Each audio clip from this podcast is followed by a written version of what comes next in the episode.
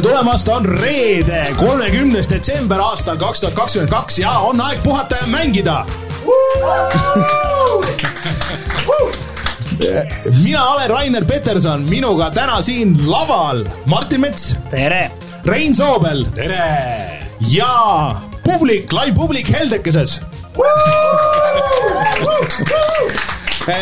suured tänud kõigile, kes eh, kohale tulid. Eh, ma olin, kui aus olla, natuke mures täna hommikul veel, et kas siis keegi üldse tuleb, aga täitsa tulid inimesed üllataval kombel, nii et aitäh teile kõigile, kes te kohale jõudsite ja peab ütlema, et väga tore on näha äh, meie äh, chati inimesi, Patreoni toetajaid ja kõiki inimesi, keda ei ole ammu näinud või siis värskelt näinud, et tere, Andri, kes jõudis täpselt ette selle live-saatega, mul oli see live-saade oli enne oli bronnitud kõik.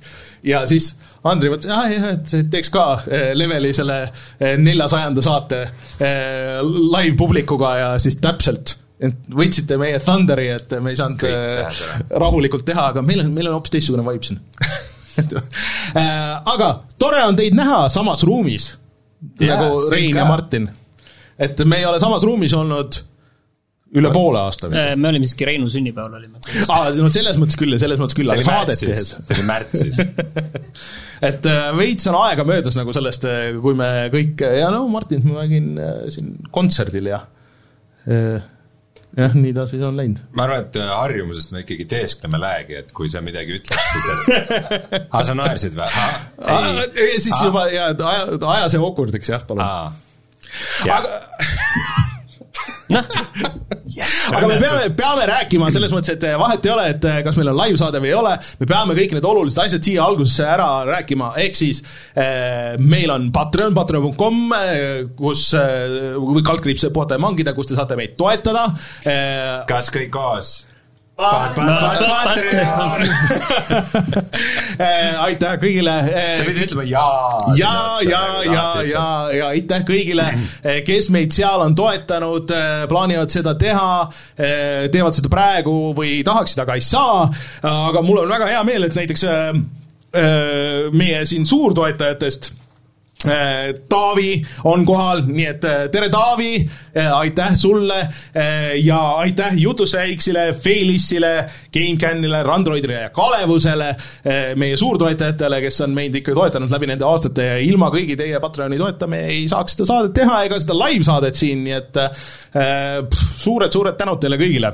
et kui te liitute meie Patreoniga, siis saate vahest tulla live-saatele vahest tasuta mänge äh, ja äh, särke ja lihtsalt meiega Discordis chatte. aga millal järgmine kord saab tulla? vaatame, kuidas, kuidas me selle tänase üle elame et kas me lõpetame seal saunas ja basseinis või mitte, et eks, eks sellest sõltub. siin on saun siin on saun ja bassein no,. räägime pärast edasi. Aga tegelikult miks me iga nädal ei võiks siin saadet teha? Äh, siin äh, Heldeke see seltskond äh, pakkus seda välja, et miks mitte.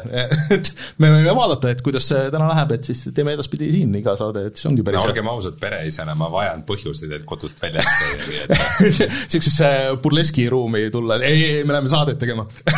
Jah, see on tähtis see on tähtis saate asi, miks ma pean seal olema. jah, ääraste striimi vaatased aga jah, no kuna meil muud stuudiot ei ole hetkel, siis, siis miks mitte, et äh, räägime läbi selle kõik aga äh, meil on ka Youtube'i kanal, kus äh, ei toimu viimasel ajal väga midagi ja loodetavasti aasta algusest jälle tulevad mänguvideod nagu ikka Youtube.com, kaldkriips puhata ja mangida.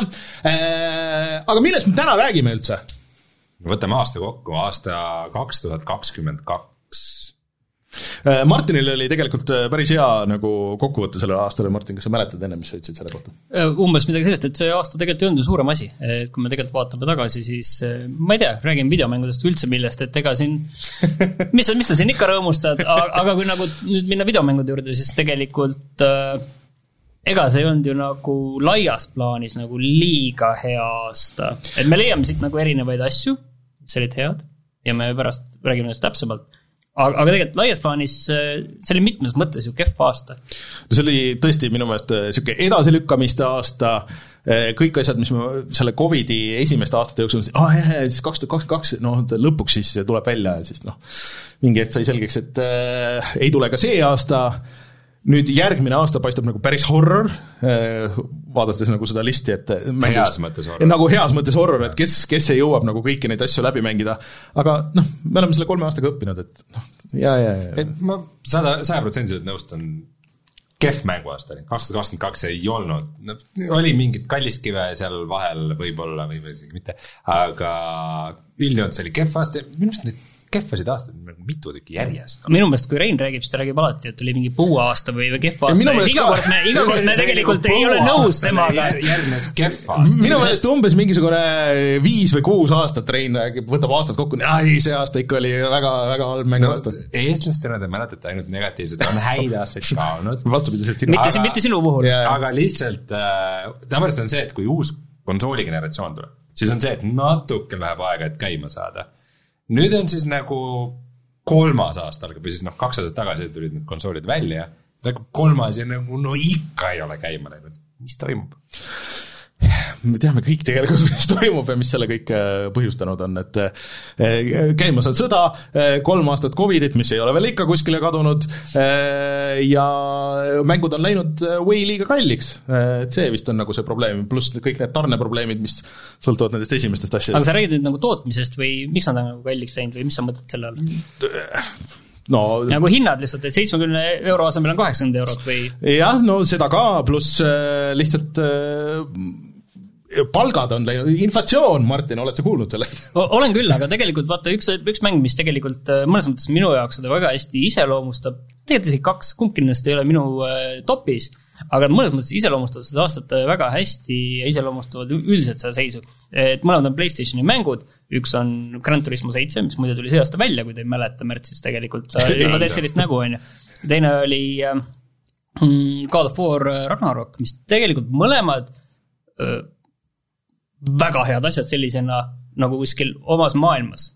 aga mõlemal on nagu mingid sellised puudused, mis iseloomustavad seda natukene seda keerulist olukorda, kus me seal oleme, mul on tunne, et mõlemad nagu näitavad, et äh, see- need suured, suured mängud on nagu väga kriisis.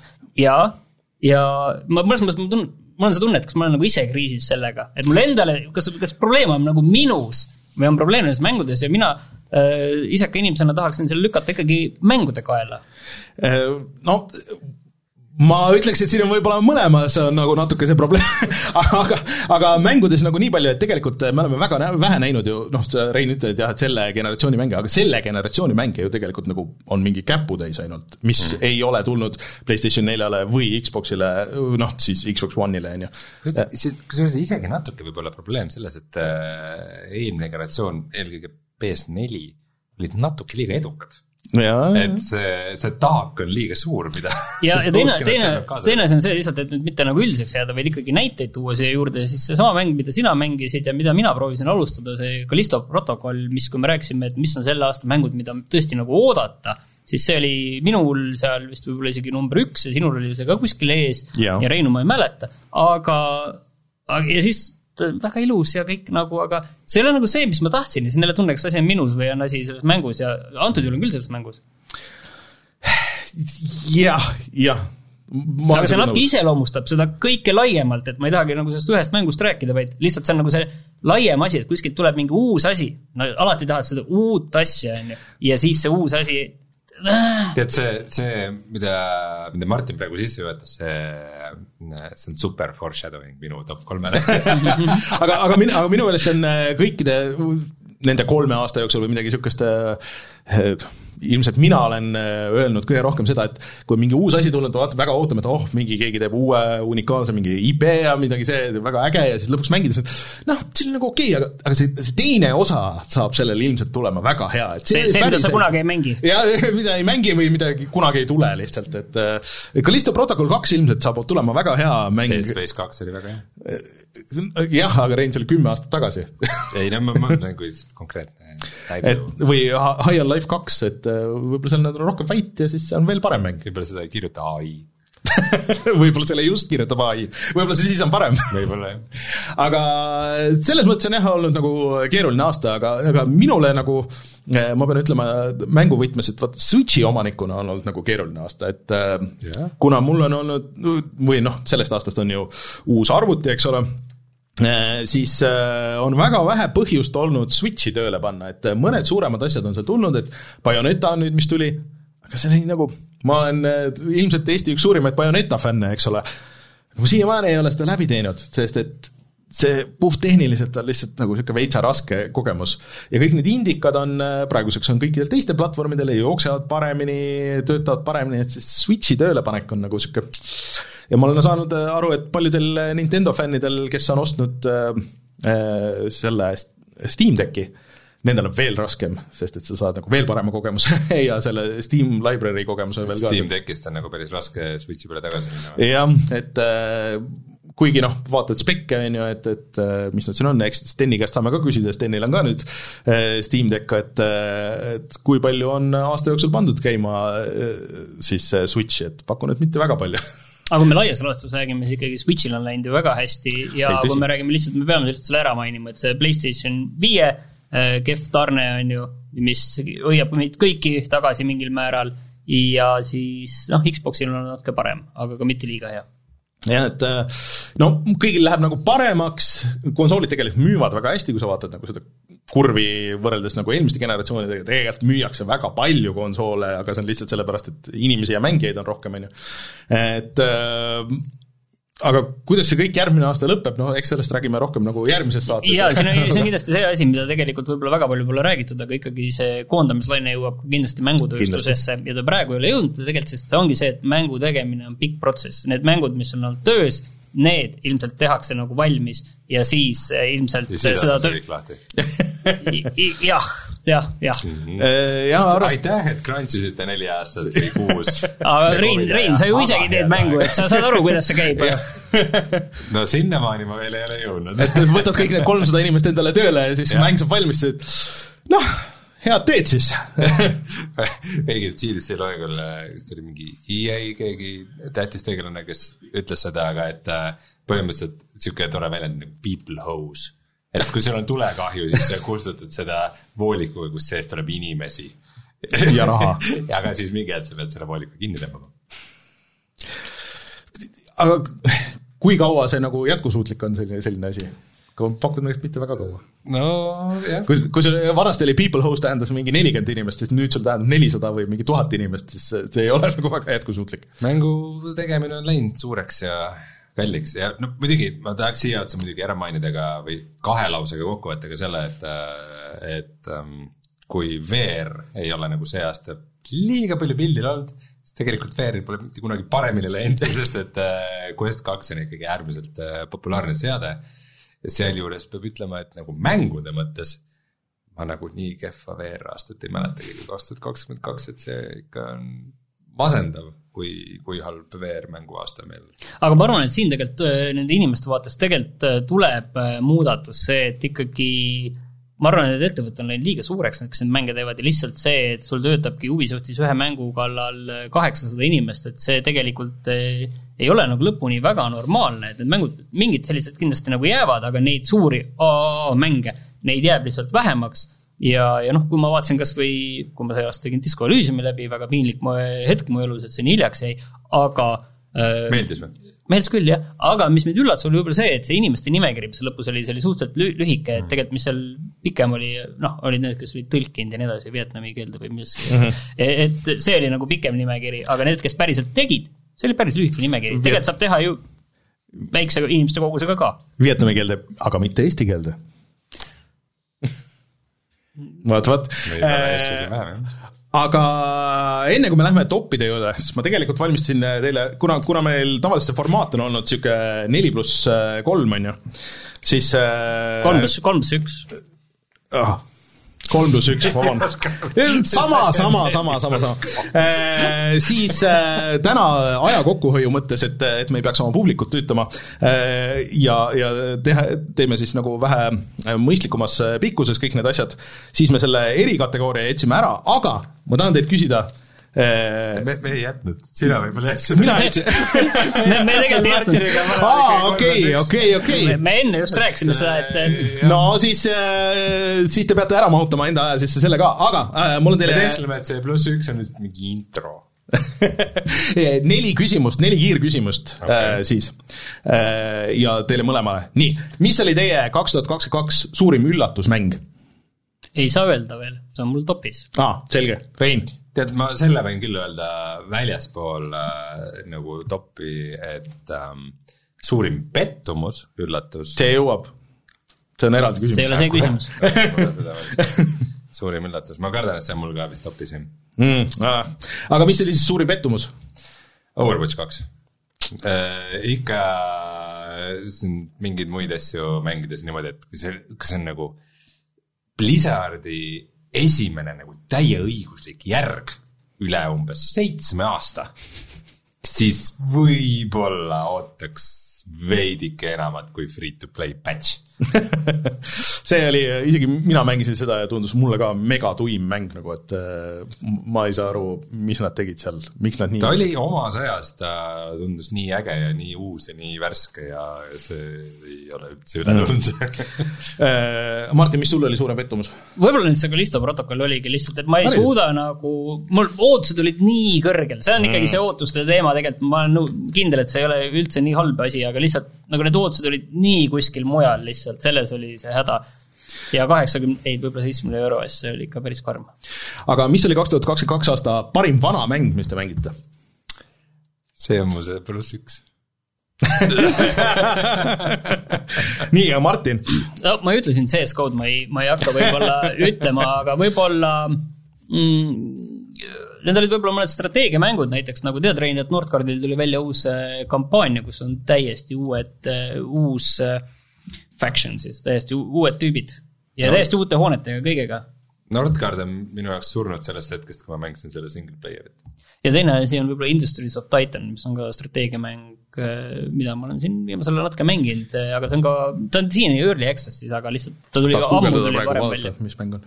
jah, võib-olla video ei saa, aga ma mõtlen, kas ma mingit niisugust nagu retromängu üldse mängisin kaks tuhat kakskümmend kaks aastal. ma olen seda Fallout kahte olen nagu väga palju soojendanud ennast, et hakkas nüüd seda mängima, aga ei jõudnud vist nii kaugele.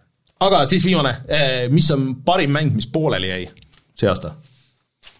Ja ma vastan ise, et äh, ükski hea mäng ei jää pooleli lihtsalt äh, nihkuvad tule edasi. jah, kunagi hiljem võib-olla teed läbi, aga, aga nüüd niiviisi ma ei oska küll öelda, et nüüd oleks nagu lõigatud mingi asi, et mis oli tõesti nagu tundus väga hea mm., kui ikka tundub väga hea, siis ikkagi tead, ma, mul on vastus sellele äh,. ilmselt see läheks ka kategooriasse parim VR-mäng, et äh, see ütleb midagi nagu VR-mängu aasta kohta, kui, kui kõige parem VR-elamus mul on olnud äh, Half-Life kahe VR-mood. et Okei. okay. äh, aga see oli tõesti äge, see nagu ma tahtsin seda veel mängida, aga see aga see oli see, kus nad panid need Alexi asjad ja kõik nagu need sinna VR-i põhimõtteliselt. ei, ei, see on põhimõtteliselt ikkagi Half-Life kaks, nagu selle füüsikat ja kõike sellist asja on nagu tehtud, aga okei. ta on, ta on hmm., seal ma ei mäleta küll, et seal oleks mingisuguseid Alexi asju olnud. Okei okay., aga kas me lähmegi nüüd eh, siit nende toppide juurde või? jah, sest meil on niisugune mõnus aeg. Aga me leppisime seekord siis eh, kokku, kui te ei leppinud midagi muud minu selja taga kokku ilma mulle ütlemata. sa olid seal juures, kui me sellest rääkisime, aga see selleks. et äh, alustame number ühest jah, et ei, kolmandast. mida, kolmand- kellega sa kokku kuule, me, leppinud? me olid, sinuga. me olid mõned kuulajad seal juures ja nad kuulsid, kuidas me konkreetselt Meil on leppisime kõik. Taavi oli kuskil seal kõrval. segaseks. ja mina sain aru, et oli üks, üks, kaks, kolm. ei, kõik teevad nii, nagu nad tahavad. okei, okei. ei, teeme nüüd selgelt, see on kolm, kaks, üks okay. ja enne seda võib öelda lühidalt oma selle boonusmängu. Martin ütles seda ikka väga konkreetselt. no okei okay,, selge. aga alustame, Rein, siis äh, sealtpoolt, ütle siis oma boonusmäng ja number kolm. Äh, okei, minu boonusmäng äh, on mäng, mida oli tore uuesti mängida, mitte nüüd nagu retromäng, aga mida oli tore uuesti mängida ja see on God of War, esimene. tänu, see ei, mitte esimene, sa mõtled siis no okei, mitte esimene. kaks tuhat kaheksateist aasta God of War.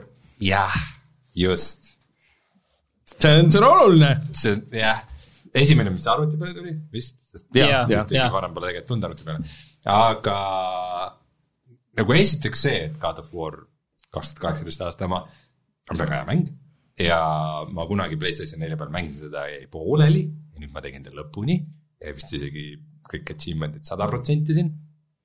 aga nagu see, et ma saan oma läpaka peal mängida mõne aasta tagust Playstationi eksklusiiv triple A või isegi nelja mängu ühendada oma läpaka külge Playstation viie pult.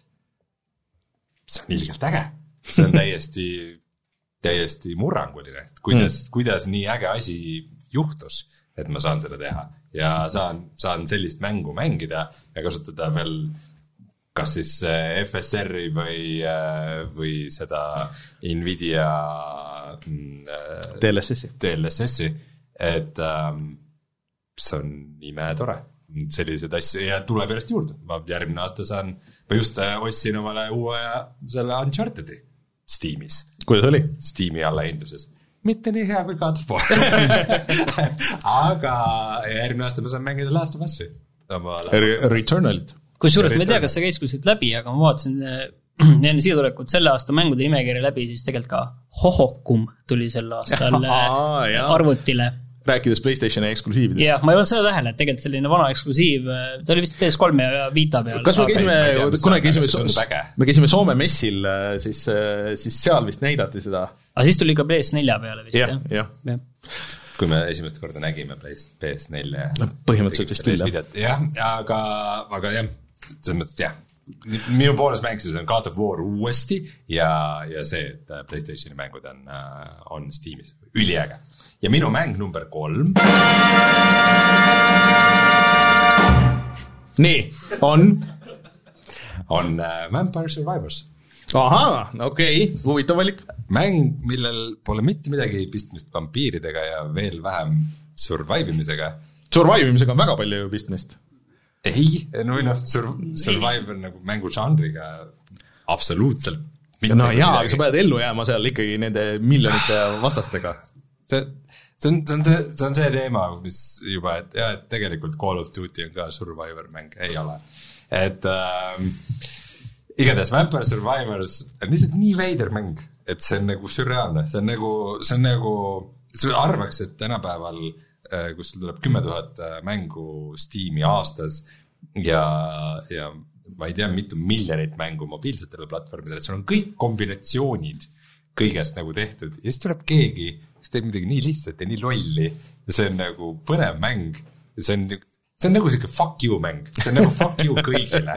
see on äh, see, kes selle tegi, ütles fuck you nagu kogu mängutööstusele, kuidas mängud peavad olema nagu kõigele, see on ikka natuke fuck you mängijatele, aga, aga jah, ma nüüd mä- tegin maailma kõige koledama mängu, müüsin seda kolme euroga Steamis ja ja sellest saab mingi tohutu hitt ja see on kõige lihtsam ja koledam mäng, mis nagu üldse saab eksisteerida, aga see on lõbus.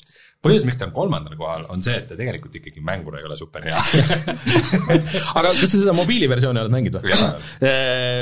mina olen seda mänginud oluliselt rohkem kui seda, seda tavaversiooni, ma seda veits proovisin, kuidagi nagu eriti ei klikkinud, aga telefoni peal ta on täpselt niisugune, et okei okay,, et mul on vaja lihtsalt nagu korraks ajul lasta puhata, ma võtan telefoni lahti, ma panen selle lihtsalt nii, nii okei okay,, lihtsalt vaatad neid äh, miljonit äh, luukeret seal, kes sind ründavad, on ju, ja siis sa surmad, sihuke okei okay,, see kaksteist minutit on möödas äh,, nii, mida ma olin tegemas, let's go, et äh, see töötab üllatavalt hästi telefonimänguna, et ma tavaliselt ei viitsi mängida telefonis asju, eriti mingeid väga keerulisi, aga see on nagu perfect selle jaoks. jah, ma telefoni mängimist pigem väldin, aga ma kujutan ette, et ta võib nagu vahvasti toimida seal, ega ta on nagu super podcast'i või audioraamat mm. ka muidugi, et, et, et reaalselt mängid seda ja samal ajal aju teeb midagi, midagi muud, aga jah, see progressioon kahjuks ei ole nii briljantne kogu see, kui kogu see üldine mõte seal. aga kas sa neid, kõiki neid kloone oled proovinud, neid Soulstone Survivors ja kõik need teised, mis öeldakse, et on mänguna vist paremad? Äh, ma täiesti kusjuures usun seda, et, et Vampire Survivors on selline mäng, et selle kloonid on paremad mängud kui ise, aga, aga ma ei tunne mitte mingit huvi ega vajadust. no järgmine video siis meie kanalil Hentai Survivors äh, ja siis äh, vaatame, kuidas läheb. no on, on neid sügavusi, kuhu meie, kuhu meie kanal ei ole veel langenud ja äkki kaks tuhat kakskümmend kolm on see see aeg, et äh, see- me rebrändime ennast kui hentai mängude, erogeimide äh, kanal ja siis ei no kui level üks seda ees teeb, siis sa muidugi pead seda tegema. aa, okei, okei. aga, äkki teeme see, et me ei ole need, kes otsa lahti teevad, aga mine tea. aga Martin, sinu number kolm ja erikategooria siis? erikategooria on äh, Proteus. ehk siis eh, FPS, mis on selline vanakooli FPS, mida sa noh, alati nagu kuskilt nagu otsid seda, et oi, vanasti mängisid äh, Doomi, Hexenit äh,, Quake'i, Duke Nukemit ja siis tahad, noh, Duke Nukem pole päris õige võrdlus, aga alati otsid sedasama nagu äh, kogemust uuesti ja siis sa täpselt ei saa aru, kas see on sellepärast, et sa olid siis äh, noor ja rumal ja, ja siis sulle meeldisid sellised asjad või siis mõtled, et kas sulle täna ka tegelikult meeldiksid sellist tüüpi mängud, et kas sa tegelikult tahaksid mängida neid koridore ja lasta neid mõttetuid vastaseid ja ja kas see nagu pakub midagi ja Prodeus ütles, et jah, et pakub küll. Äh, ma olen sinuga nõus, see on üks nendest mängudest, mis mul pooleli jäi, aga kõikidest nendest boomer shooter itest, mida ma olen proovinud, see tõesti oli kõige parema feel'iga, et midagi selles feel'is on yeah., mis on nagu naljakas, seda, ma, ma ei oska seda sõnadesse panna, miks selles töötab ja kõikides nendes teistes aga, aga see on tegelikult see, see liikumistunnetus on tegelikult väga selline tänapäevane mm, -hmm. aga kogu see visuaal ja ülejäänud selle ümber on see vana kool. et, et kuidagi seal on nagu sellega nagu see ideaalne tasakaal leitud ja see tõesti nagu töötab väga hästi, alguses mulle tundus, et kogu see mäng on nagu väga lihtne ka seal raskematel raskusastmetel, tagapool selgub, et see päris nii ei ole, et seal on tegelikult seda väljakutset ka ikkagi. kas seal ei olnud mitte mingi seitse raskusastet või mingisugune? oli jah, aga ma ei võtnud ka kõige raskemat, aga, aga noh, seal üle keskmise võtsin midagi. nii, aga ütle ma number kolm. Martin, no aga lase see küll ära. Tahtsid oodata, kuni Martin hakkab rääkima. Äh, kolmas koht on siis äh, The Quarry äh, ehk siis äh, mängužanr, mida on siin äh, kogu aeg viimased kümme aastat äh, tehtud, selline filmilik valikutega mm, mäng, mõnikord on see õudusmäng, mõnikord ei ole, seekord oli õudusmäng.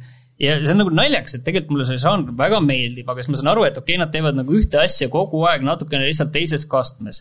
ja siis seekord see žanr suudab, suudab mind alati nagu üllatada, oi, te tegite jälle seda nii hästi. natuke jälle teistmoodi, mingid väikesed asjad, mida tehakse teistmoodi, kui sa näed, et tõesti see on selline mäng, kus sinu valikud ja lõpuks sul on kokku vau, mingi üle saja erineva variandi, kuidas see asi nagu lõpeb, siis äh, see võib kõlada nagu ühtepidi nagu väga halvasti. et okei okay,, et see on kõik selline kunstlik ja nii edasi ja nii edasi, aga kui neid valikuid nagu nii hästi sinu eest ära peidetakse ja sa päriselt lähed nagu tagasi ja tahad seda mängu nagu uuesti teha, siis sa näed, et oi, ma oleks võinud seda hoopis teistmoodi teha, hoopis teistmoodi mängida ja kui sul on kokku üheksa tegelast, kellest äh, kõik võivad surma saada ja siis minul kaks jäid ellu esimesel korral, teisel korral jäi neli, et, et sa ei saagi aru, et kus, kuidas need tulevad, need on täpsed valikud, ma oleks võinud seal teha hoopis teistmoodi kõiki neid asju ja see töötas nagu nii, nii hästi seekord. Ja kogu see lugu ja kogu see asi, et äh, ongi mingi klišee totaalne lugu ja siis on kuidagi natukene seal mõnda asja on nagu natukene muditud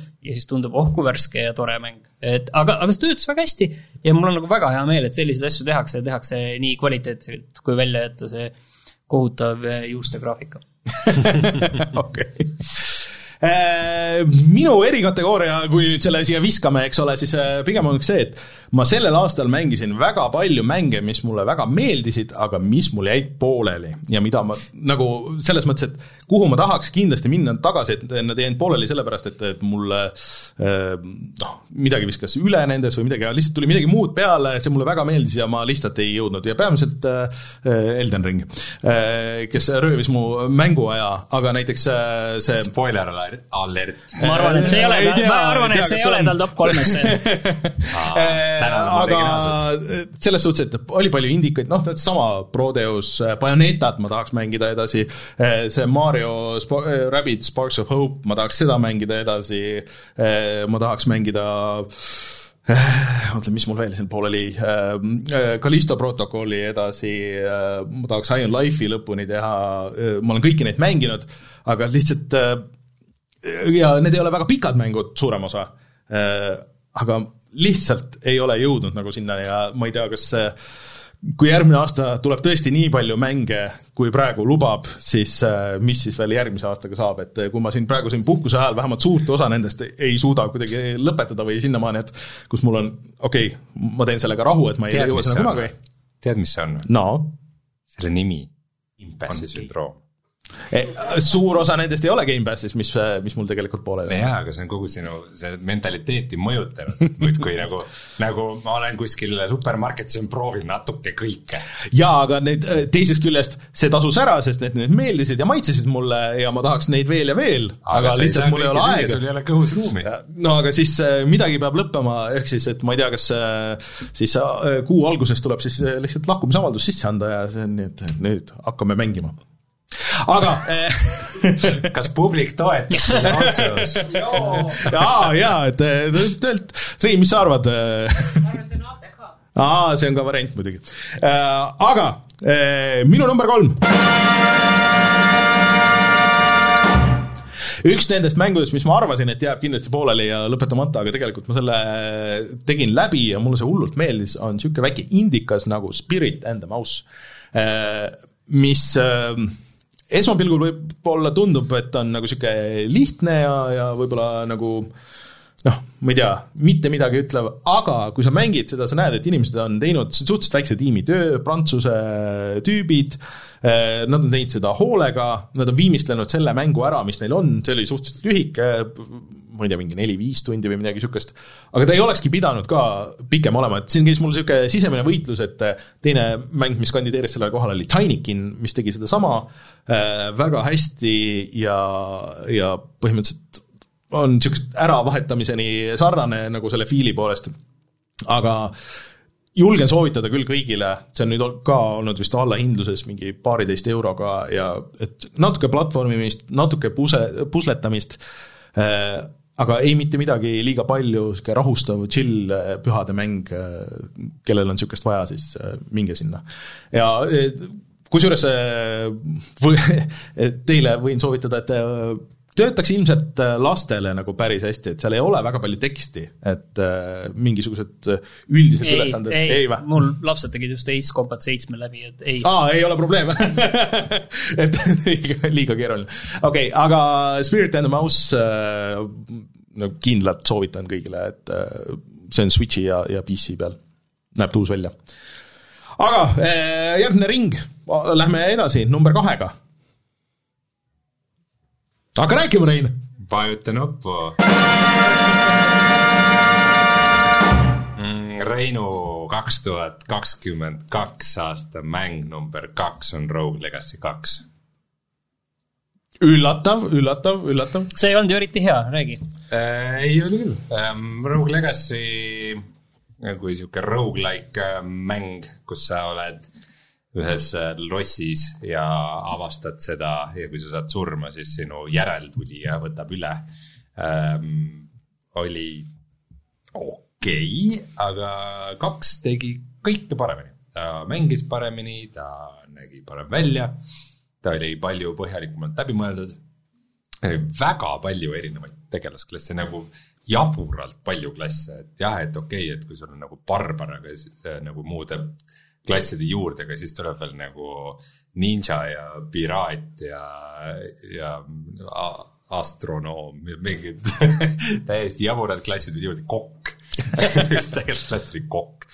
et äh, ja see mäng on lihtsalt ta on mitu aastat early access'is, see on, see on üks hea näide nagu mängust, mis, mis nagu early access'i käigus on saanud nagu tõesti küpseks ja valmis ja siis, kui ta tuleb nagu välja, siis ta on nagu suur ja mahukas ja viimistletud ja, ja huvitav ja nagu tõesti sihuke. Rogue Legacy kaks on natuke selline mäng, et kui sa mängid nagu ühte rogu-like mängu, siis see võib vabalt olla nagu see, sest see nagu esindab kõike, mida, mida üks rogu-like mäng olema peab. pluss ta oli ka väga hea Souls-like mäng, sest et tänapäeval on kõik mängud Souls-like mängud ja noh, tegelikult Souls-like ongi niisugune laisk rogu-like suured sõnad siin, ma ei tea, siin pärast võib-olla tuleb pikemad jutuajamised selle teemal. võib-olla, aga, aga igatahes äh, see nagu niisugune Dark Soulsi vibe oli seal olemas, need bossi võitlused olid väga suured ja keerulised ja samas see oli just selline mäng, kuhu nagu rogu-like peab olema, et sa sukeldud sinna uuesti-uuesti mingite väikeste variatsioonidega. mõni tegelane on värvipime, mõnel on äh, krooniline kõhulahtisus, aga ikka on lõbus. aga kui keegi on selle esimese mänginud nagu ribadeks, kas siis äh, teine on piisav upgrade? see on väga suur upgrade, ma pigem ütleks, et selle esimese võib vahele jätta ja minna kohe mm. teise juurde vabalt, et äh, üllatas mind väga, oli algusest lõpuni väga nauditav elamus ja Rogue Legacy kaks saab kindlalt minu poolt hmm. suure pöidla või kaks ta oli number kaks. aga oota, kuidas sul siis kolme juures see kolm või äh,, nii Martin äh,, sinu number kaks. Äh, ma oleks, said lõpuks ära Yes. panna. Äh, see selles mõttes sobib siia väga hästi, et ma tahtsin öelda, et ma oleks pidanud endale siia ämbri kõrvale võtma, et äh, ennast kindlamana tunda, aga sa naerad ja sa ei saa aru, milles nali on, sellepärast sa ei ole seda mänginud. et äh, minu teisel kohal on Stanley Parable äh, Ultra Deluxe. et oota, see täiesti mõttetu mäng, see on ju viieteist eurone DLC, mis ei lisa sinna mitte midagi uut juurde, lihtsalt selline cash grab, et okei okay,, me võtame nendelt, kellele see esimene Stanley Parable meeldis, me võtame neilt selle raha ära ja siis äh, paneme natukene midagi juurde, natukene midagi juurde, paneme sinna selle ämbri juurde ja siis äh, nagu äh, äh, siis, siis võib selle välja lasta, me võime seda, ma ei tea, kui nad tegid seda seitse aastat, viis aastat, aga nüüd on see väljas, see DLC, et äh, äh, mulle üldse see ei meeldinud. nii, aga ja siin ei ole mingit aga. miks ta sul number kaks on?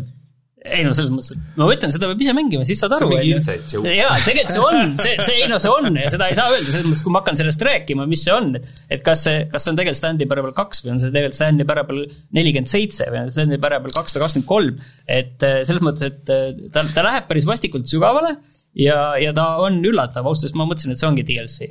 Rein, mul on tunne, et Martin jätab meile midagi ütlemata siin. ta räägib üle meie peade. jah, aga, aga selles mõttes, et sellest mängust äh, rääkides kahjuks peabki nii tegema. et mm. muidu, kui sa nagu räägid siin ära, et miks see number kaks, siis tegelikult äh, see üllatus ei ole enam nii suur, kui sa seda mängid. Mm.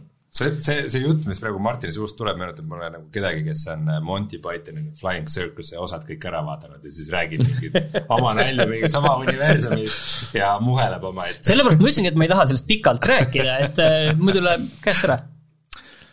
Aga ühesõnaga, tegelikult ma soovitan seda mängida, et äh, see on see on teistmoodi see, kui sul see on see vana versioon on olemas, siis sa pead ostma ikkagi selle DLC või? muidugi, see on post cash grab, et selles mõttes, et vist said alguses seda natuke odavamalt või midagi oli, aga, aga okay. võib-olla ta oli see kakskümmend eurot nüüd. tunnen, et mängutegijad tegid nagu sellest mingi nalja, et see on puhas crash grab ja siis nagu ja mulle ka tundub, et seal on we mingi- are all in on the joke ja siis Martin neelas selle konksu väga hästi. ja, ja mul on hea meel selle üle.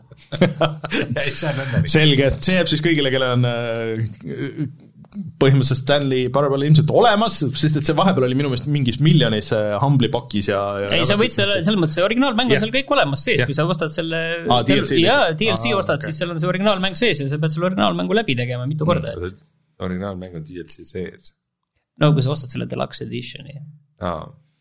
Või Okei, kas see on DLC see on eraldi teema. kas sul see achievement on ikka olemas, et sa viis aastat selle mängu käima? jaa, Cool. tegelikult ka sain selle. nii, minu number kaks.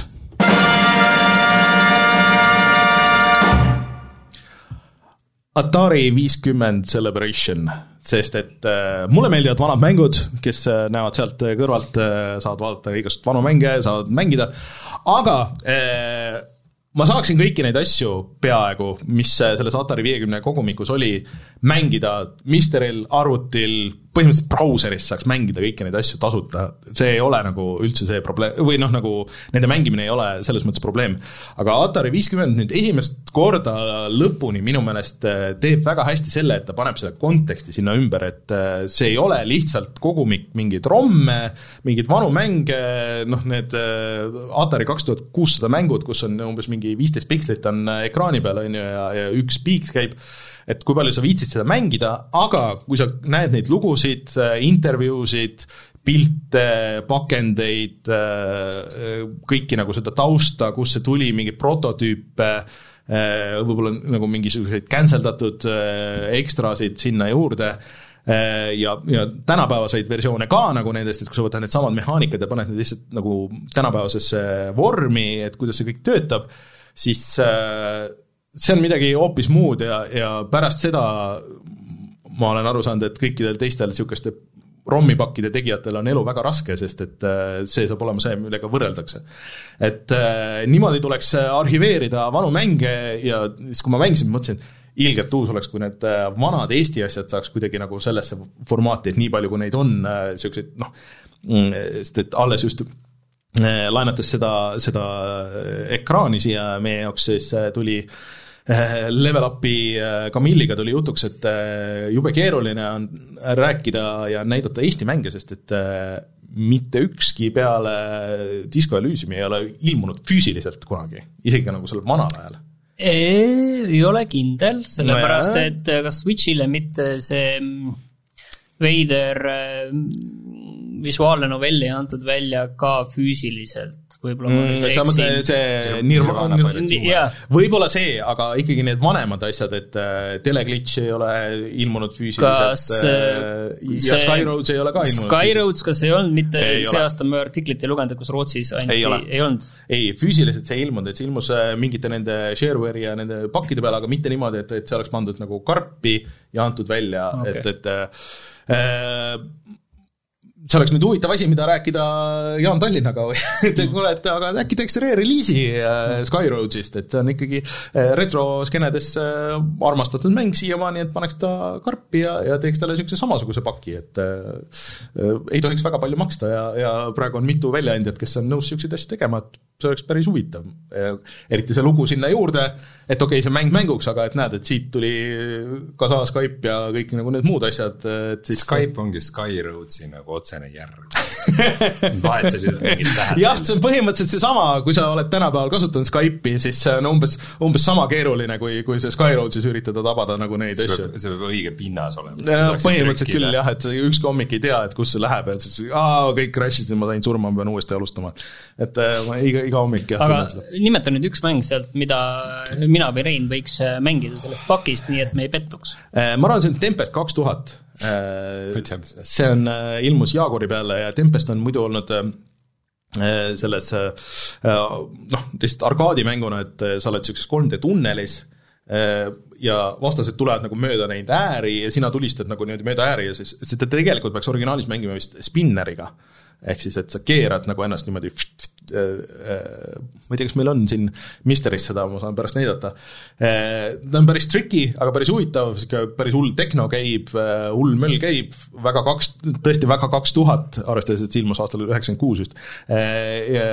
ja sihuke äge puslekas, kuhu tuleb siis nagu sisse zone ida, et, et sellest aru saaks. aga üldiselt ei, muidugi peab nõustuma, et suurem osa mänge selle, selle kogumiku peal nagu iseenesest mänguna on halvad et aga, aga kõik see muu seal on väga väga huvitav nagu selle juures, et äh, soovitan kõigile vanade mängude huvilistele äh, Atari nelikümmend, see on vist kõikidel platvormidel ja nüüd nad pidid, kuna seal läks nii hästi, et siis nad pidid sinna veel lisama DLC-ga asju ja et äh, saab veel vanu halbu mänge mängida ja vaadata.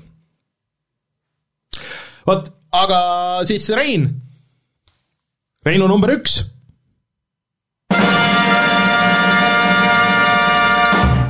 ma lihtsalt taipasin, et see nagu esimeste mängude järjekord, see on nagu, et minust algab nagu, et nagu kolm, kaks, üks, et ma, nagu minu mäng on kõige halvem ja siis nagu, et. nojah, no ilmselt niimoodi ongi, jah. Cool, nüüd ma olen, tunnen ennast haavununa äh, jaa, see on siis long con, et põhimõtteliselt kui me rääkisime, kui, kui halvasti see aasta on nagu suurte mängude et äh, no niisuguseid toredaid vahvaid indie-hitte, aga Ubisoftid, EA-d, kõik suured firmad, äh, kas, kas magavad või äh, kui vahepeal püsti tõusevad, siis kukuvad nägu ees porri ja mitte midagi nagu, nagu suuri häid mänge ei tule, nagu vähe, vähe vajadust omada mingisuguseid ägedaid konsoole või arvuteid, sest et kus on see sisu, mis selle, selle ära põhjendab ja minu jaoks üllatavalt äh, selle, seda sisu pakkus äh, uus Call of Duty mäng. ehk siis Modern Warfare kaks on äh, minu jaoks kehva aasta, aastamäng ja mitte siis single player, mida ma pole isegi lõpuni teinud, peamiselt ikkagi multiplayer ja siis Warzone. aga nagu kas juba lihtsalt see, et see pakk nimega Call of Duty Modern Warfare kaks, et seal on tegelikult nagu vähemalt viis mängu, mida, millel kõigil on omajagu fänne, kes ütlevad just, et oo oh,, et see on kõige parem, et see DMC mode on kõige parem või hoopis see invasion on kõige parem või, või need koopid on kõige paremad, et äh, selleks pidi kõik muud Activision Blizzardi stuudiod kinni panema, et kõik töötaksid ainult selle kallal, et noh, tegelikult ju täiesti eri stuudiod töötavad eri mängude kallal, nii et ma ei tea, kas see üldse on mingi ühendav lüli, kohati ilmselt on. Aga see on nagu hea näide, kuidas, et ikkagi kaks tuhat kakskümmend kaks aastal on võimalik teha suurt, ägedat, mitmetahulist mängu, mida on tuhat korda tehtud, aga seda on võimalik teha paremini, ägedamalt, kaasahaaravamalt, tehniliselt muljetavaldamalt ja mul on väga lõbus olnud sellega nii, nii sõpradega kui ka, kui ka omaette multiplayer match ides, nii et äh, ma, ma olen sama üllatunud kui teie, aga Call of Duty Modern Warfare kaks on minu aastamäng. sul, sul oli, ma tahtsin just öelda, sul vist ikka oli kehv aasta jah? pidid selle Call of Duty sealt põrandalt üles kraapima, okei okay,, lähme. seda enam, et nagu varem ju mängisin Call of Duty'sid iga aasta ja nüüd nagu viimased aastad see Cold War ja Vanguard on just täiesti mööda läinud, et kuidagi käis kõik nii all ära ja siis järsku kuidagi tõusis kõrgele. aga ma pean küsima, et eh, kuidas ta nüüd sinu uue neli tuhat seeria kaardi peal jookseb? ma arvasin, et äh, uue graafikakaardiga ma panen, ma panen Modern Warfare kahe või siis Warzone'i käima ja olen vau wow., aga seda tunnet on lihtsam kirjeldada kui see, et kui sa iga hommik ärkaks üles ja lööks varba ära ja see üks hommik ei löö varvast.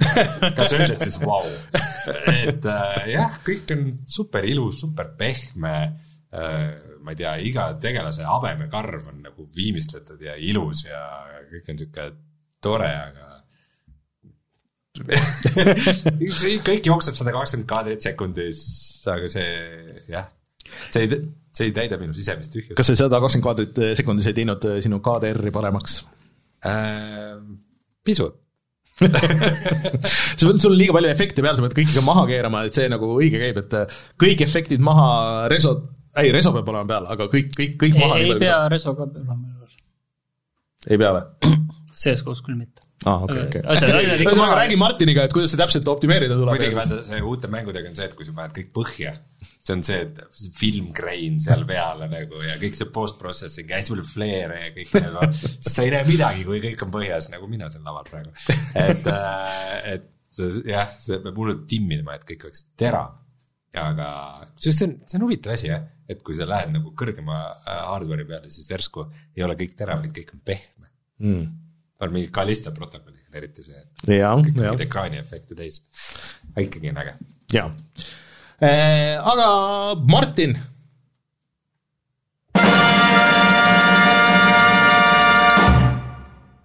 mina kui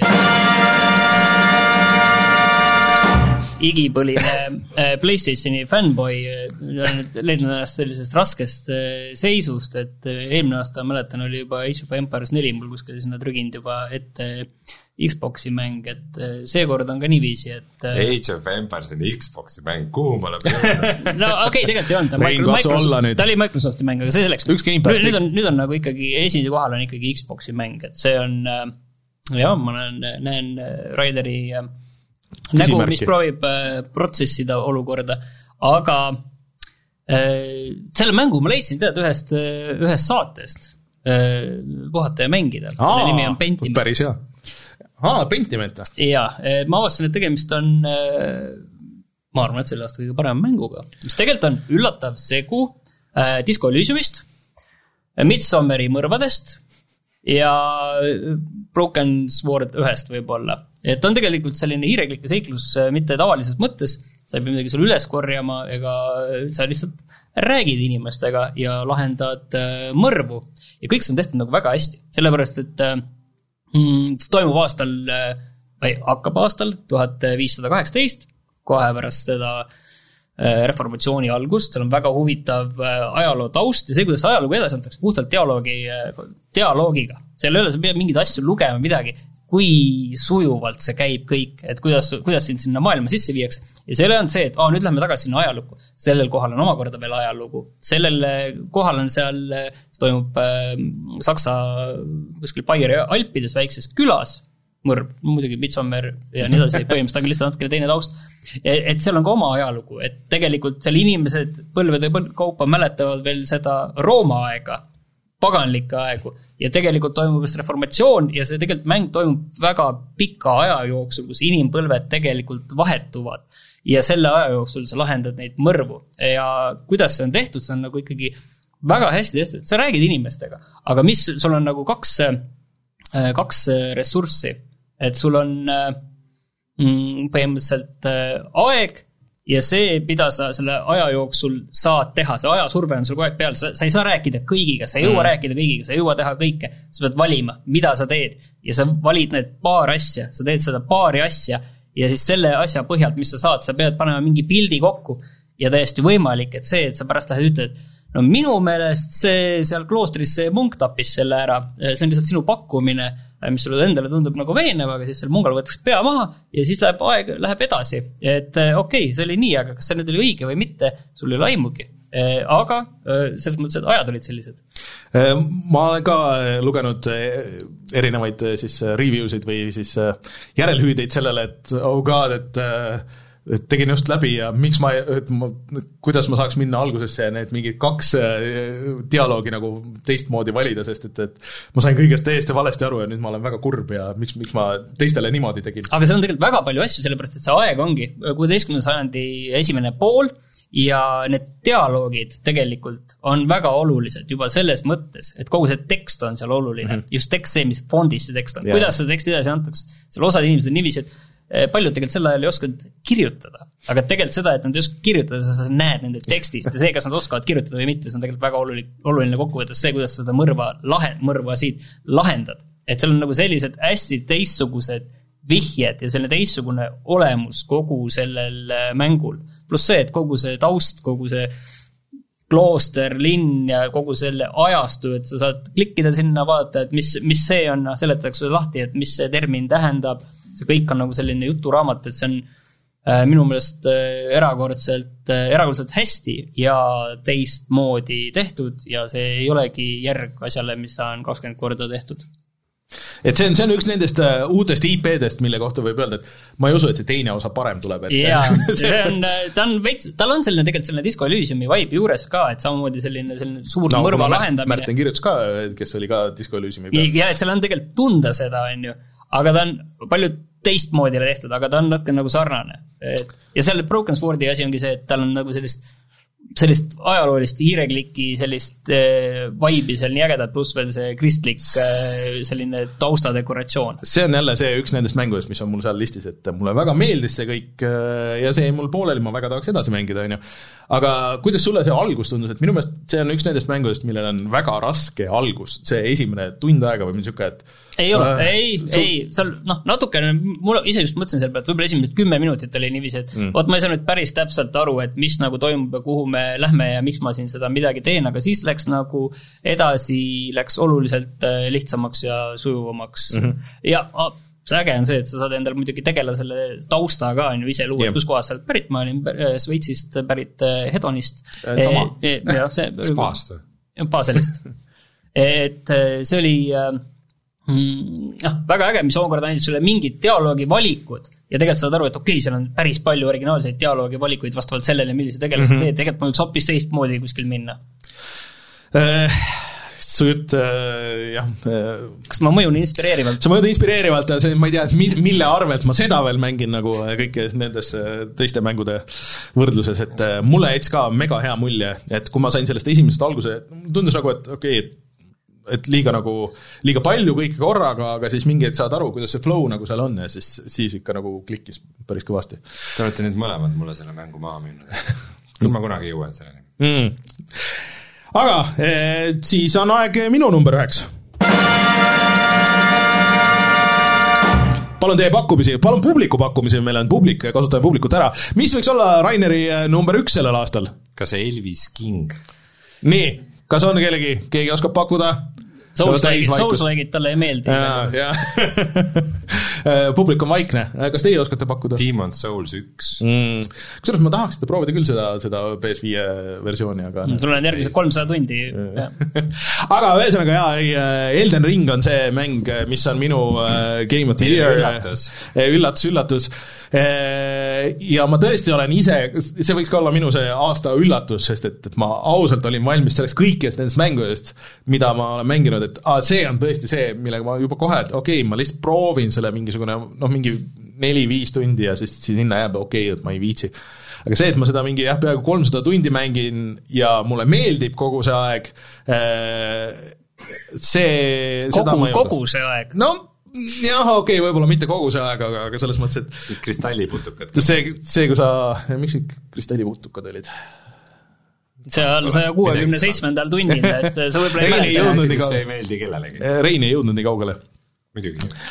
ja mul on veel asju seal tegelikult tegemata, nii et ja, ja lubavad seda DLC-d ja kõiki neid asju, aga selles mõttes, et see on see mäng, mis minu jaoks tõi tagasi selle momendi, kui ma esimest korda mängisin esimese GameBoy Zeldat, kus sa oled kuskil nagu maailmas, mis tundub sulle mega suur, sa ei tea, mis seal toimub ja sa käid ringi ja avastad, et vaatad, oh, seda saab teha, siia saab see Reinule, ma saan aru, ja paljudele teistele, et noh, võib-olla ei klikkinud, et, et noh, et on liiga nagu sihitu või mis iganes, aga mulle just kuidagi nagu see meeldis, sest et see on, see kuidagi niisugune salapära on mängudest nagu veits ära kadunud põhjusega, sest et noh, miks sa teed mingisugust sisu, mida umbes keegi ei näe, võib-olla keegi komistab sinna, aga, aga võib-olla me paneme siia markeri ja siis kõik saavad kohe siia minna ja siis kõik näevad seda kindla peale, et me ikkagi tegime kümneid ja, ja sadu tunde tööd nagu selle nimel aga see, et sa saad seda kõike mitte näha, aga võid ka näha ja, ja on palju bosse, keda sa saad vahele jätta, mitte üldse teha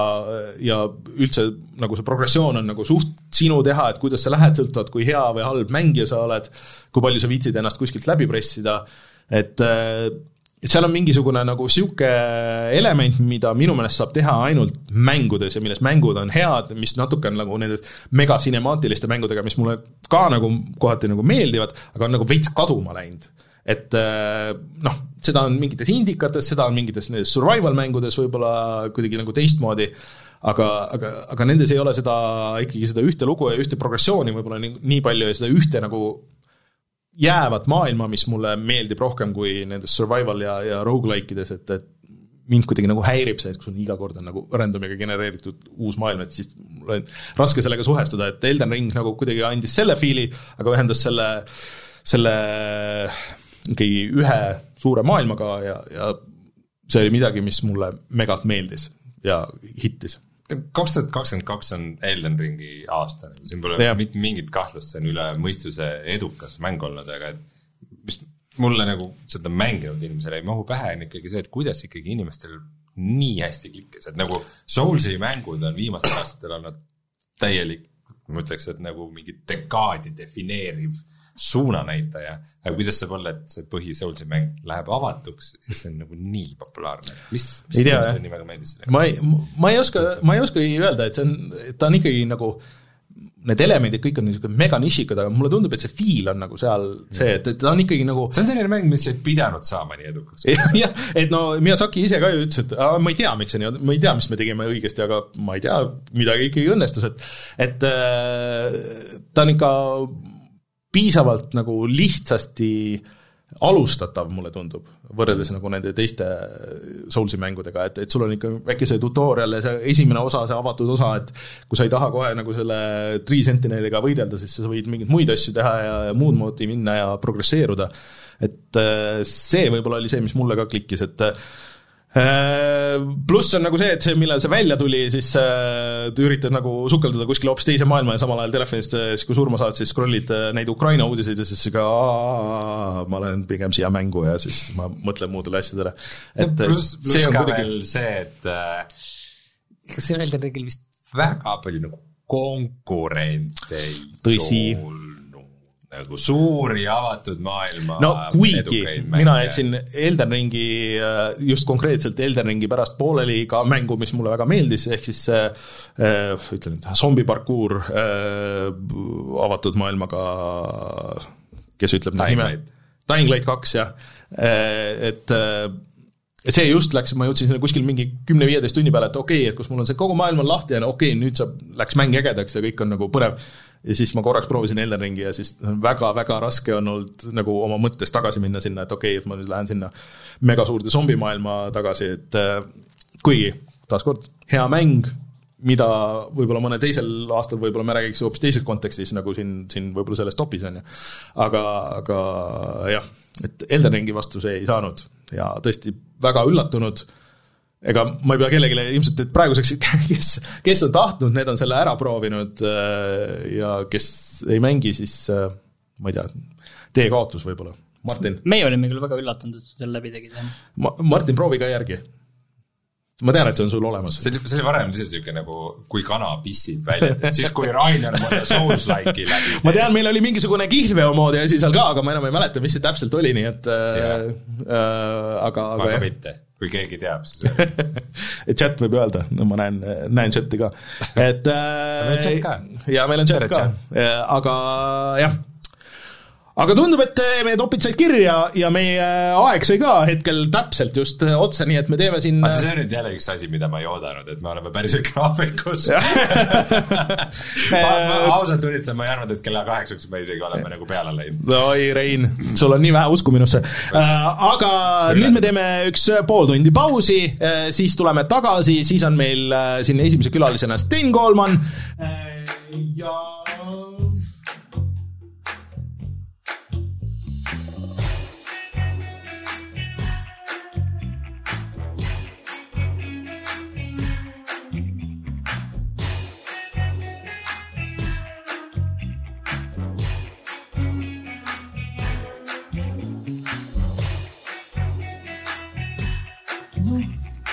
niivõrd-kuivõrd, jah?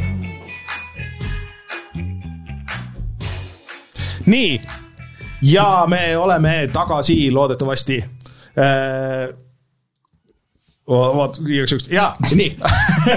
Mõtlesin, et tuleb mingi suurejooneline intro, aga ei, ei, ei tule, kui sa tahad, ma võin sulle, sulle ka lasta, Sten.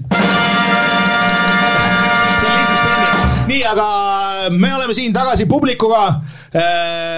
oleme heldekeses äh,, publik, tehke häält, et siis te teate, teate, vaatajad, et, et päris inimesed on yeah!. Need, need ei ole lihtsalt välja lõigatud siin, siin ees, et, et selles mõttes, et on päris inimesed. me viskasime Reinu siit äh, lava pealt minema, aga ma saan aru, et saime messi tagasi, jah? Jaa, tere.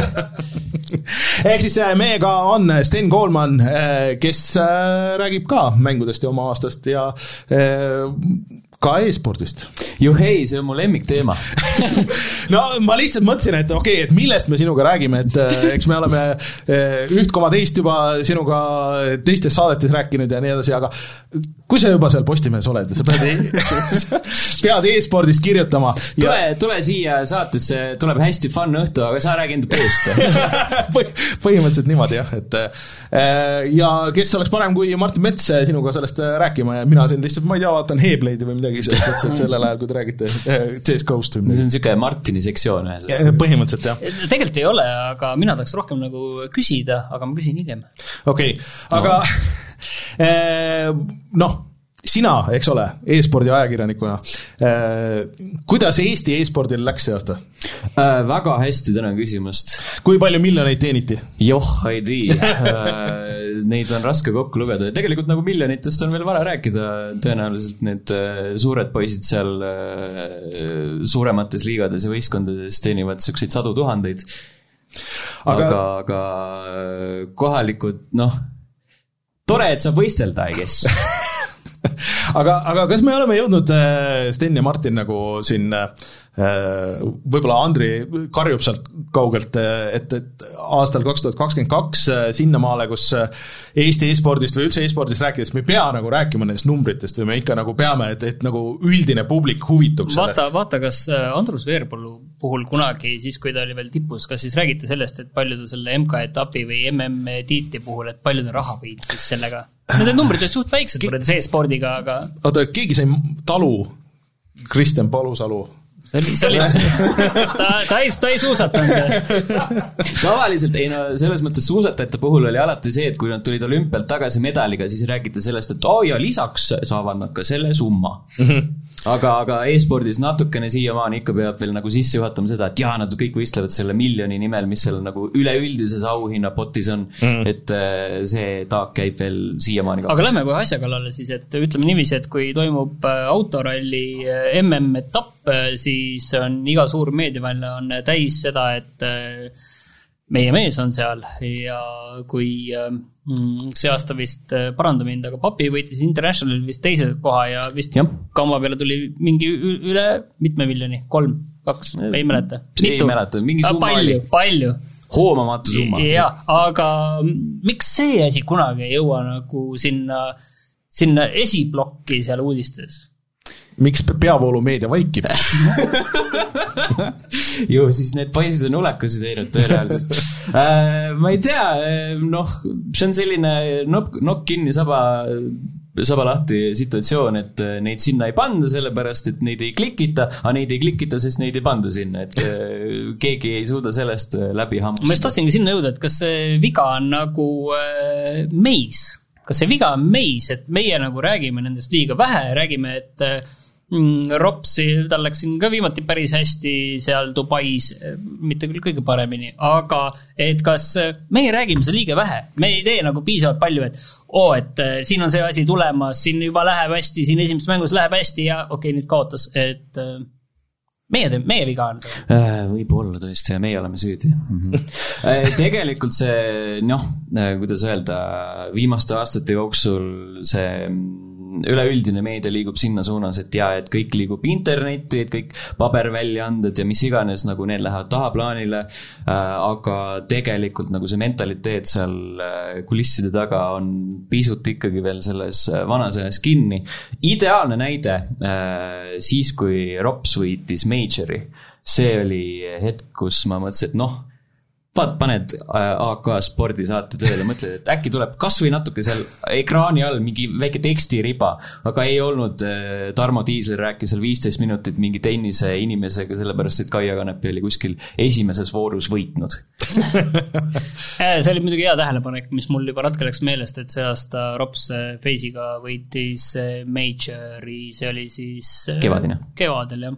aga see, suvel läks väga, või siis sügisel läks väga kehvasti. aga kas meil ongi see mingisugune käputäis, mingi noh, mina isiklikult, kes e-sporti nagu otseselt ei jälgi, et noh, ma tean Ropsi, ma tean Papit äh,, mõtlen, kas ma, kas ma veel üldse kedagi tean, et kas, kas meil on tulemas, ongi meil need äh, käputäis suuri staare või on nagu niisugust väikest äh, pealekasvu tulemas vaata, ma kahjuks võin sellele nagu negatiivselt vastata, et äh, tegelikult äh, vähemalt ma rohkem seda CS-GO teemat tean, et see aasta oli tegelikult selles mõttes oli halb, et tegelikult eestlasi ei mänginud päris palju sellises madalamates tiimides, sellise teisel tasemel, kolmandal tasemel, üsna, üsna palju oli, aga nüüd aasta lõpuks kõik nad kas jäid nende tiimist ilma, lõpetasid ajutiselt ära mm., Shox, HS, Supra, CS-i mängijad Eestis, kes on tegelikult maailma tasemel, aga nendel läks nagu selles mõttes see aasta nagu kehvasti. hmm. Kas sellel on mingisugune konkreetne põhjus või, või lihtsalt äh, kuidagi juhtus nii? ma ei tea, mis see põhjus on, selles mõttes ma ei tea. kas äh, siin on ka see, et kus mingid olümpialiidud, mingid asjad meil on, mis toetavad Eesti sporti, kas peaks toetama siis äh, vähe sellest, et Eesti m- mänguarendust peaks toetama, siis Eesti e-sport tahaks ka nagu rohkem tuge saada, et, et olla võimsad. siin tegelikult äh, naljakal kombel, et tegelikult üks põhjus tegelikult, miks siin kehvasti läheb, on see, et eestlased ongi üksinda enda tiimis ja see on nagu naljakas teema aasta tegelikult kaks tuhat kakskümmend kaks, et äh, nendes tiimides räägitakse selles keeles, mis, mis tiimid nad on, taanlased no. räägivad taani keeles. et alati, kui on sellised äh, nii-öelda segarahvustest meeskonnad, siis tegelikult keeleprobleem näiteks CSGO hmm. puhul on päris suur. et see, et ma kuidas saanud, et seal ei ole väga keeleprobleem, et seal on üks keel. ei, sa, sa mõtled see, et kui sa nüüd jah, räägid kuskil, kuskil käid niisama suvalises Raspberry. jah, see, see on nagu, see, nad ei räägi niiviisi, aga tegelikult see on nagu suur asi ja see ongi see, et kui sa oled nagu üks eestlane seal kuskil, siis tegelikult see ongi keeruline et see tundub nagu naljakas, selles mõttes, et nad suudavad kõik kindlasti inglise keeles väga vabalt rääkida, aga see hetk, kui sa pead nagu murdsekundi jooksul ütlema neid asju õigesti ja mitte lihtsalt see, et tule jookse B peale. Seda tahaks jah? keegi, nii, nii ei räägi seal keegi, nad ütlevad, et tahaks nagu rääkida. okei, aga aga ühesõnaga, tegelikult ma tahtsin öelda seda, et meie tippudel läks väga hästi, aga sellel järgmisel ešelonil läks natukene kehvemini. okei okay.. kas on veel mingeid trende e-spordist, mida see aasta nagu tõi või, või paistsid läbi? Ma arvan, et kõik oli hästi. me nagu siia lõppu tahaks lihtsalt öelda, et äh, üks äh, sellistest suurtest elementidest, mis äh, võiks ja peaks muutuda, on see, kuidas me e-spordist räägime või kuidas me seda kajastame, sellepärast et noh, siiamaani see trend on olnud, et jaa, et äh, hästi detailne analüüs sellest, kuidas keegi mingid äh, Mirage'i kaardil CSGO-s tegi mida ja seda, on ju. sa müüd seda ainult ühele konkreetsele sihtgrupile, sa ei saa seda müüa laiemale publikule, et nemad ei saa sellest mitte essugi aru.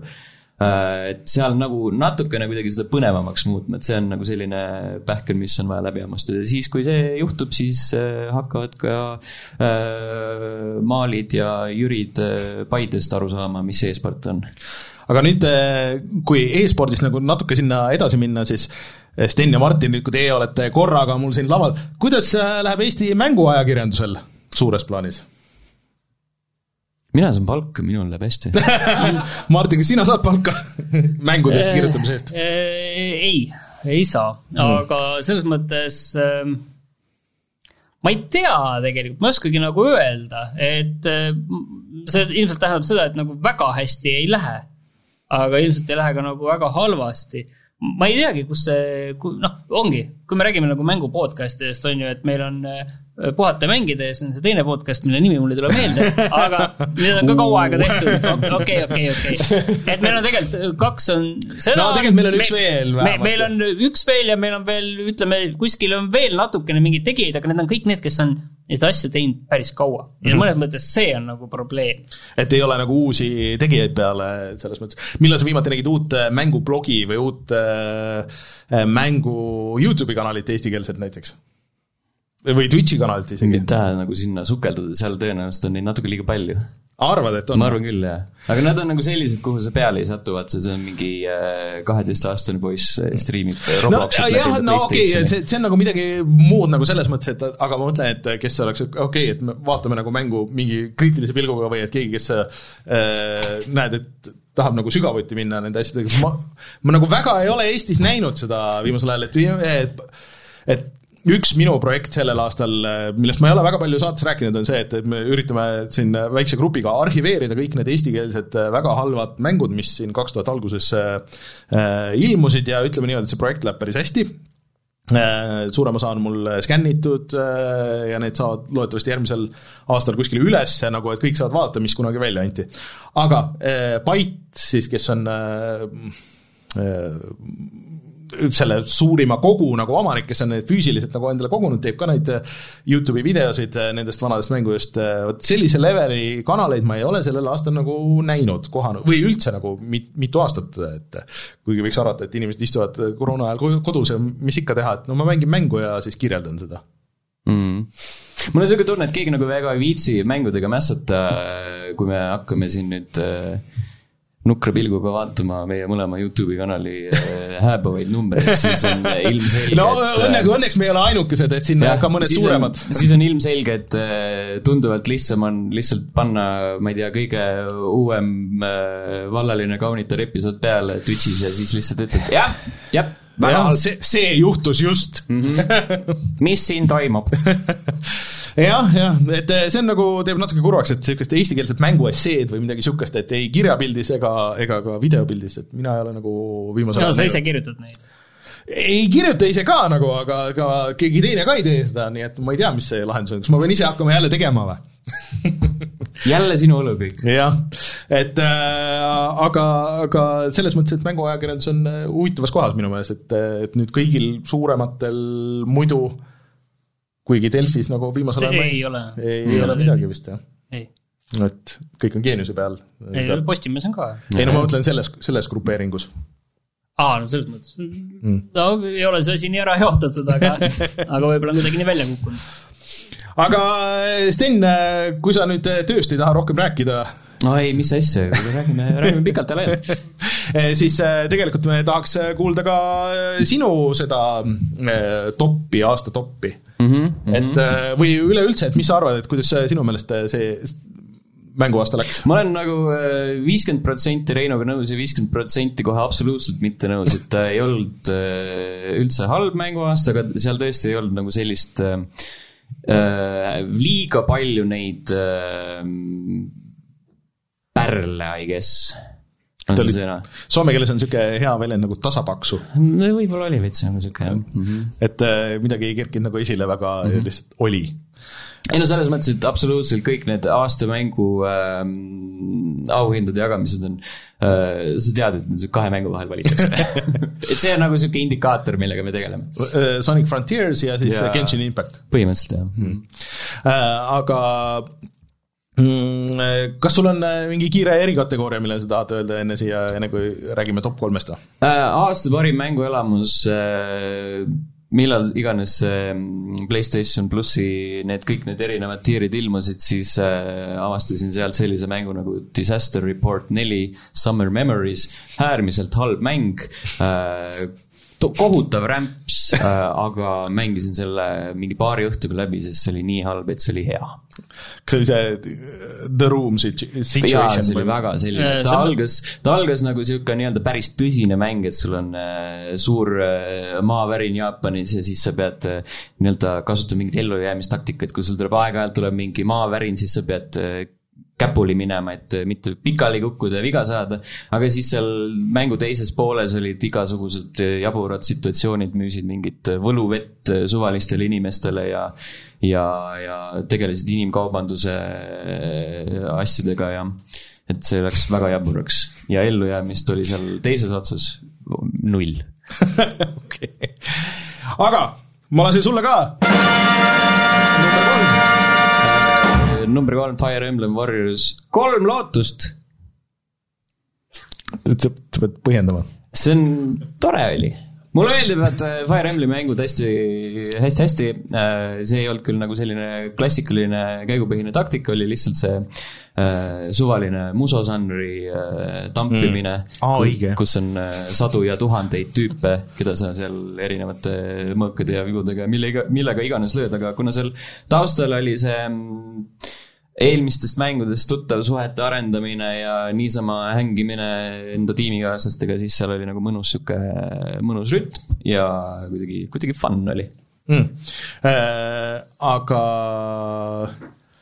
vot need muso žanri mängud siis, mis oli see, mis see üks see Zelda oma oli ja siis üks see Persona ja Personas viis Strikers. jah, et, et need on nüüd need, mis pressivad sellest äh, Switch'ist viimasel ajal äh, selle kõik, mis annab, et äh, kuidas sulle tundub, et sa oled nüüd selles Steam Decki äh, kaldis, et äh, kas paned Switch'i tööle hea meelega või ei pane? Äh, me just äh, eile salvestasime enda aastalõpusaadet ja siis ma seal ütlesin, kuidas ma vaikselt mõtlen selle peale, et kõik need indie-mängud, mis mul Switchi peal on, ostatud Steam Decki peale. nii et äh, hästi läheb. et kõik võidavad, Nintendo võidab ja, ja Jah. Gabe võidab, et, et, et jah, et äh, ühesõnaga Switch'i väga palju tööle ei pane, kui just no minu arust ei ole nagu kõige parem aasta ka olnud Switchi peal. tõsi, no nagu ma jah ka ütlesin, et, et, et Nintendo enda asjad, et võib-olla järgmine aasta siis hakkavad tulema, aga kas hakkavad mm? -hmm. me oleme, mina olen isiklikult seda vist viimased kolm aastat rääkinud, et järgmine aasta siis tulevad need kõik need. aga äh, nii, number kaks. God of War Ragnarok. see oli väga hea feel'iga, see oli väga-väga hea looga äh,, absoluutselt äh, meistriklassi karakterid. jah, seal oli veits sellist ähm, äh, rütmiprobleemi, seal eriti nagu sihuke kaks konkreetset sektsiooni, mis lihtsalt venisid ja venisid ja venisid ja siis ma mõtlesin küll, et ah, god damn it, aga siis peale seda tuli selline hästi südantsoojendav tseen Atreuse ja Kratose vahel, siis mõtlesin, okei okay,, okei okay,, see oli kõik okei okay.. ma annan andeks. mul oli ikka see hetk, kui ma seal tund aega pidin kuskil seal oh,, seal teises maailmas kuskil äh, ringi käima ja selle mingeid õunu või mingeid asju korjama, see oli, see oli see oli vaimselt raske, see oli vaimselt raske, sa saad aru, sa saad aru, et ühel hetkel see saab läbi, see, see on kindlasti loo koha pealt väga oluline, aga nagu ei tee suurt midagi. aga sellele järgnes üks kõige ähm, fantaasiarikkamaid bossivõitlusi, mis God of War'i seerias kunagi on olnud. nii et see oli ka sihuke väike payoff oli seal lõpus. ma ei suuda, mul ei ole Playstation viite, ma ei suuda siiamaani ikkagi nagu äh, äh, otsustada, et äh, see ju ilmus äh, Playstation nelja peal ka ja Playstation neli Pro peal. Kas ma peaks seda Playstation neli Pro versiooni mängima või, või siis äh, pigem ei, ma arvan, et suht vahet ei ole. see näeb täpselt samasugune välja nagu eelmine mäng. no aga seal on äh, pigem need laadimisajad ja, ja kõik nagu see, mis mind hullult, see vana sa panid kolmsada tundi Elden Ringi alla. jah, jah. sa, kannatad selle laadimisaja ära. nojah, okei, ei võida väga midagi nagu. okei, okei. ja see on nagu, seal on ikkagi see, noh, internetis räägiti sellest kui Playstation nelja disainist, kus sa käid läbi seinapragude mm -hmm. ja ootad, kuni see nii-öelda järgmine sektsioon läheb, et nagu see ei muutu. muidugi veel kolmas võimalus on see, et äh, ma olen seal Reinu paadis ja ootan, kui tuleb see noh, Inevitable äh, lõpuks see PC versioon aasta pärast või, või midagi niisugust, sest et mul on loodetavasti kompuuter, mis äh, suudab selle välja vedada, kui nad midagi väga hullu ei tee sellega. et hmm. võib-olla, võib-olla olen seal paadis. aga äh, number üks number üks on selline vähetuntud indie-mäng. okei okay, äh,, see ei olnud üllatus nagu selles mõttes wow!, aga, aga mis sind seal tõmbas, miks, miks see on sinu aasta number üks? Äh, ma arvan, nagu täpselt samad põhjused, mis igal pool mujal, et see oli sihuke avatud maailm, sa ei olnud lukus kuskil ühe raja peal, sa ei pidanud ähm, raevukalt äh, peaga vastu seina jooksma, kui sa just väga-väga ei tahtnud, nagu mõned inimesed seda tegid äh,. aga, aga oligi selline vabaduse tunne, et sa hülgad selle ühe missiooni ja siis lähed kuskile mujale, hästi ilus oli vaadata seda kõik siuksed äh, tseenid, kus sa nä- nägid natukenegi kaugemal, olid sellised mm, maalilised. aga mis nüüd taust sellega on, et oled sa nagu varem äh, neid Soulsi mänge mänginud või oli see uus asi? ma olen kõiki alates esimesest Dark Soulsist mänginud, kõiki alati poole peale. sest alati tuleb mingi uus mäng, mis äh, püüab mu tähelepanu ja siis mõtlen, et okei okay,, nüüd on raske tagasi minna, aga Elden Ring oli see just nagu oma tänu sellele avatud disainile ja et äh, sellele, et sa võisid seal avatud maailmas äh, alati mingi uue ja huvitava asja peale sattuda, et nagu see hoidis mind kogu aeg enda juures kinni. No see ilmselt oligi nagu see, mis äh, Rein siin äh, küsis, et, et mis see nagu rahvale selle rohkem kättesaadavaks tegi või noh, näiteks mulle, kes ei ole kunagi neid äh, Soulsi mänge mänginud, välja arvatud esimese remaster'id ka kuskile, ma ei tea, isegi mitte poole peale, aga, aga lihtsalt, et, et, et see, et sa ei ole nagu lukus selle ühe raja peal, ma arvan, et see on äh, no see See on on suur kunagi varem ka ühe raja peal lukus, aga pigem oli see, et sul oli üks rada, oi, see on keeruline, siin on see teine rada, oi, see läheb ka natuke keeruliseks.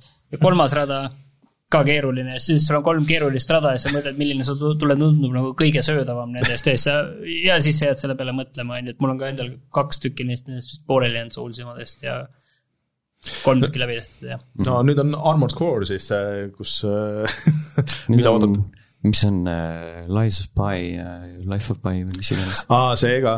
Muidu Armored. Core'i, kui keegi tahab proovida, siis äh, hiljem äh, Mysteri peal on see võimalus esimesel. Jaa, et, et, äh, kaks vist on ka äh, PlayStation ühe mäng, nii et äh, saad, saate järgi tšekkida.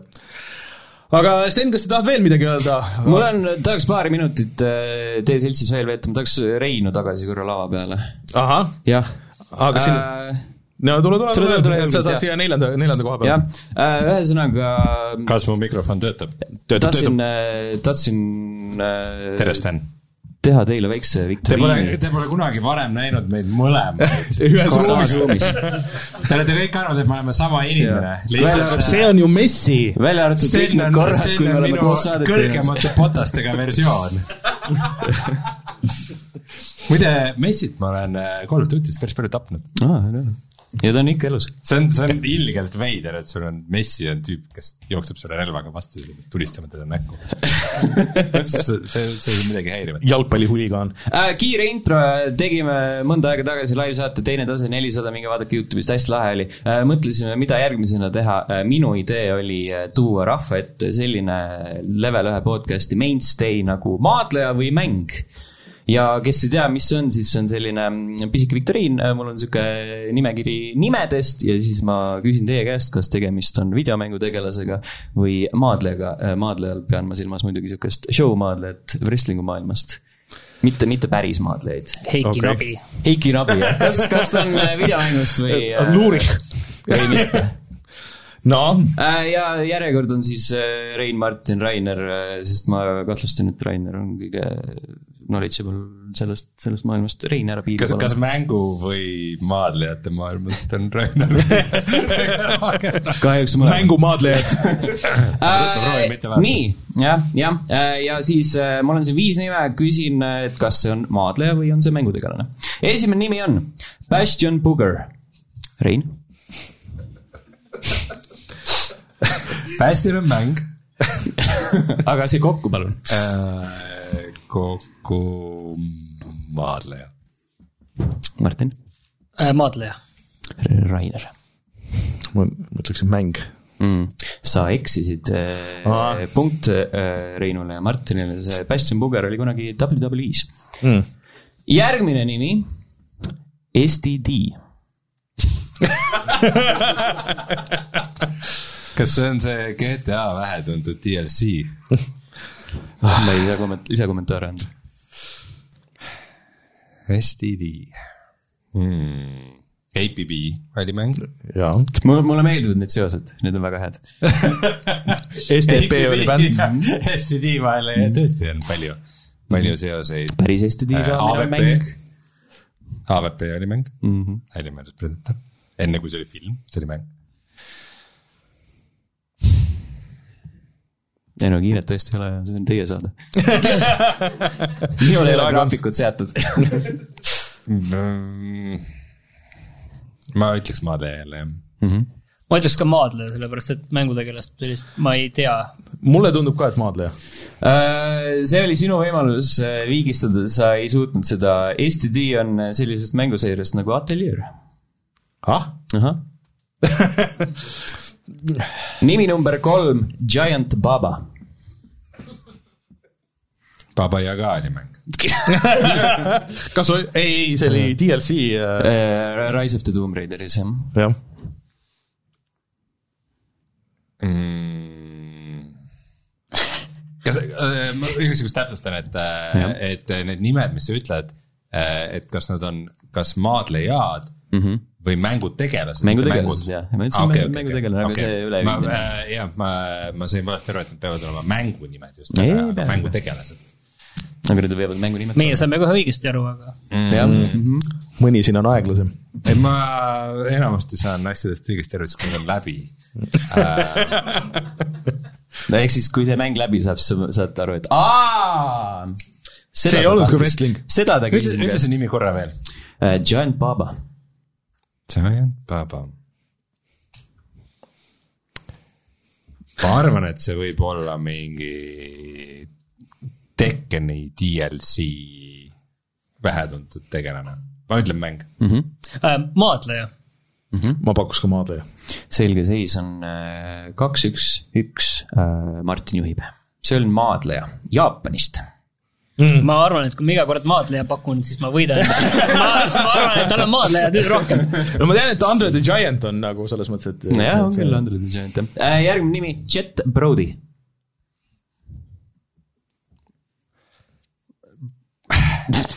puht statistiliselt ma ütlen mäng. Äh, maadleja. mulle tundub, et see on mängutegelane. Äh, nii, mis ma ütlesin enne, kaks, üks, üks on ju kaks, kaks, kaks. See on mäng, mängu nimi on Fracture. vist olen. mis mäng see on? halb. see on see, kus see kaane pildi peal oli see katki läinud asfalt. kolme kiilakas tüüp. oli. kas me läheme nüüd vastu viimasele küsimusele, nii et seis on viigis? jah, ja kui okay. jääb, siis äh, lõpebki sõbralikult viigis äh,. viimane nimi, Big Boss Man. No kui see ei ole Metal Gear'i tegelane, siis ma ei tea, kes on. see oli mäng. Äh, maadleja. ma olen see maadleja. see on tõesti maadleja. Äh, ma peaaegu oleks siia mängu lisanud Hot Goldmani, kes on tõesti Metal Gearist pärit. aga, aga, aga kahjuks sel korral ei läinud jah äh,. palju õnne, Rainer ja Martin, te jääte jagama olema.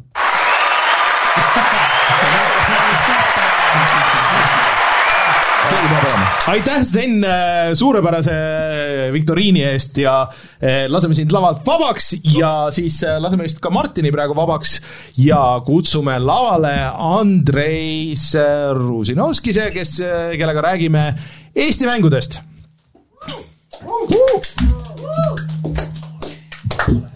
Tule siia. keskele. siis me saame sind grillida mõnusasti. Vau, siin on raske istuda jah, wow.. nii valge. ma nüüd panen su nime siia, live, live produktsioon kõik. vau. Me isegi live-saate jaoks nagu publiku ees laivi jaoks ei suutnud kedagi leida, kes istuks puldi taga. jah, põhimõtteliselt aga see küll. on osapuhad ja ma räägin, experience. my thing nagu selles Jah. mõttes, et, et ja siis on kõik see on siin äh,. tere, Andres, ma saan aru, et äh, sihuke napikas oli, et, et sa täna üldse jõudsid, aga, aga väga tore, et jõudsid. ja olen siin nüüd, jah, peab rääkida midagi. jaa,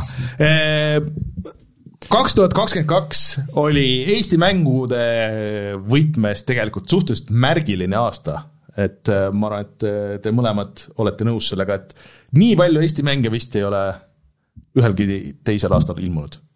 loe mõni ette, et meenut-, meenutada. Noh, Haikude robot, siis äh, oota, ma mõtlen kohe, mis me veel tegime, Plastronaut, siis Artist Life Simulator Artist Life-. Artist Life Simulator, siis see Robloksi mäng tuli just, siis Mhm. äh, mida, kas midagi oli VR-is ähm,, kaheksa mängu oli. kaheksa mängu mm. -hmm. et see võib tunduda vähe, aga samas see Eesti kohta tegelikult on ikkagi väga, Väga väga palju palju.. maksimum oli enne kuus mm. -hmm. see vot kaheksa on, on väga palju Eestis uh,. oli ka ah,, meil on uh,, see ei ole nagu täisreliis, aga Dark Chess, see on uh, aa, jah, ja, ja. uh, Eesti mäng ja veel oli Into the Radius tuli Questi peale. jah, jah, MetaQuest ja oli ja Plastronaut muidugi oli ja veel midagi ja. Plastronaut tuli küll veel Access'i Office Management one on one Jaa. oli kevadel, ma mäletan ikka veel Early oh,. Access'is Yeah.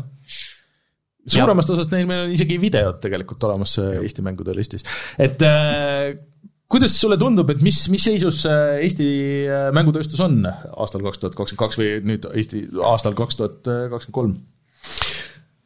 No muidugi me oleme väga väike riik ja meil ei ole väga palju mängu, aga mis mulle väga meeldib, et uh, need on head mängud, et kui uh, me vaatame Steamis, et kõik need review'd, et Haikude robot, seal on üheksakümmend kaks protsenti nagu very positive.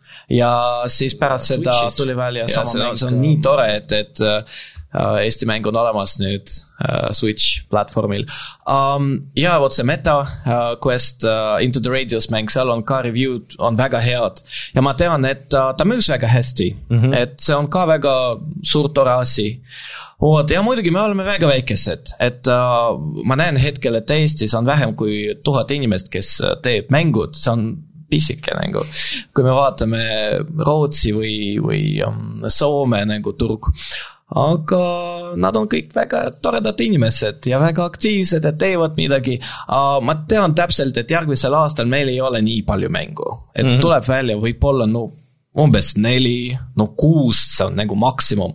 aga samal ajal saan öelda, et meil on plaanis suured mängud Eestis et hetkel uh, tuli välja uudis, et GameCAN Pärnus teeb uuesti Overstep aa, täiesti nagu nullist uuesti? uh,. mitte nagu, teise nimega. ja, ja, ja teise nimega, mitte nagu nullist ma tean juba nimi, aga ma ei Aa, saa, ma, ma ei saa öelda. vot, et uh, ma teadnud, et, et midagi toimub juba ammu aega mm, -hmm. juba suvel, aga nad on väga vaiksed, aga samal ajal nad aktiivselt, väga aktiivselt töötavad. seal on rohkem kui viiskümmend inimest, ma tean juba tiimis ja nendel on uus office mm. ja väga suured investeeringud, et äh, asjad lähevad väga hästi Pärnus mm. -hmm. et ma ei tea, ootame veel paar aastat ja siis meil äh, terve nagu videomängude turg on Pärnus nagu Pärnu videomängude pealinn Eestis. no kes teab, võib-olla, aga jaa, nende projekt äh, läheb hästi peksu pealinnast mängu pealinnaks. kas Peksa peal ei olnud mitte Ei, see on Pärnu. Ei, see on Pärnu. ei, see oli pussitamispeal. aga hakkavad beat em up'e tegema. Aga mul tuli sellega seoses meelde, et äh, mul oli väike announcement vahepeal, mis ma meie Discordis äh, jagasin. et äh, üks mi- minu ettevõtte Maruveer, meie ettevõtte Maruveeri tehtud äh, muusikaline VR-elamus mm -hmm. äh, läks just siis äh, MetaQuesti AppLabi keskkonda ülesse. selle nimi on Musical Journey, kuna ta on, kuna ta on AppLabis, mitte ametlikus poes, siis sa pead reaalselt äh, kirjutama selle nime õigesti sisse, Musical Journey, ja siis sa leiad, et see on seal alakategoorias äh,. aga, aga põhimõtteliselt äh, võtsin vastu, see võttis ainult umbes neli-viis kuud. Äh,. üks support'i vastus tuli reaalselt neli, neli kuud hiljem, et tere, nägin, et te tahate küsida midagi, et äh, kas saan kuidagi abiks olla? Jah, et augustis tahtsin küll jah. Aga äh, mitte ainult siis, et äh, üks väike Eesti, Eesti mäng, mis me tegime koostöös äh, mittetulundusühinguga Mondo äh,, et tutvustada muusikat ja migratsiooniside äh,, on nüüd seal üleval, vaid see on ka mängitav eesti keeles, nii et üks eestikeelne mäng on ka juures. Oi, see on väga tore, et uh, ma olen seda proovinud kevadel, ma mäletan. Mm, jah. ja olen mänginud uh,, pean siis postitust teha? Jah, räägi. ja ma pean, ma pean seda teha, et mõnikord mingi asjad ma just ei tea või ma olen unustanud ja meil kõik nii kiiresti läheb, et mõnikord mingi uudised, et, et ja peab kirjutada, aga noh, jah, ei no meil jah ähm,, ma nüüd sattusin jälle sellisesse toredasse topeltrolli, et ühest küljest ma olen siin täna kui puhata mängida saatejuht, aga, aga kellest tänu, osaliselt ka tänu puhata mängidele on saanud äh, mänguarendaja, et meil äh, aasta alguses ilmselt on ka veidikene uudiseid, aga, aga selle aasta jooksul tegelikult mina olen ju sattunud ka, koos me käisime Gamescomil. Ja aasta alguses ma käitsin San Francisco'l GDC-l, et mina pole kunagi nii palju käinud mänguüritustel ja see on ka olnud võimalik tänu teatud mingitele vahenditele ja fondidele ja inkubatsiooniprogrammidele, mis Eestis äh, on olemas, nii et, nii et äh, võin äh, täitsa nagu isiklikult tunnistada, et asjad liiguvad. Ja meil on nii palju asju oli sel aastal ja järgmisel aastal ka tulevad, sest meil on veel olemas ja Eesti raha, et äh, kasutada järgmisel aastal. et sel aastal äh, Gamescomil Eestist oli umbes kakskümmend neli või rohkem inimest. see on väga palju, see on väga palju. vot, ja ma tean, et äh, seal on ka teised väikesed stuudiod, kes teevad väikesed nagu projektid äh, millest keegi veel ei tea, aga info tuleb välja järgmisel aastal uh,. mis veel mulle väga meeldis, et sel aastal uh, mingi uh, videomängude arendajad nagu väikesed firmad uh, aitanud teistele firmadele mm, -hmm. et uh, nagu Placeholder Gameworks, kes tegi uh, Death and Taxes Nad aitanud teha nagu valmiks uh, seda Artist Life Simulator mm, -hmm. et uh, igaüks aitab, vot, ja väga palju arendajaid, nad uh, aitavad mulle ka, vot, ja see on nii tore, et, et nad annavad mitte ainult abi, aga raha ka mõnikord. kas äh, hakkame jõudma, jõudma sinna, kus äh, vot eelmine kord, kui sa käisid äh, aasta alguses, sa rääkisid, et et nagu ilgelt raske on Eestis, kõik teevad oma, nokitsevad oma nurgas midagi, keegi ei julge öelda, et aa, me teeme seda. aga siis kõik muutus. kas vahepeal kõik on aastaga kõik muutunud, ei?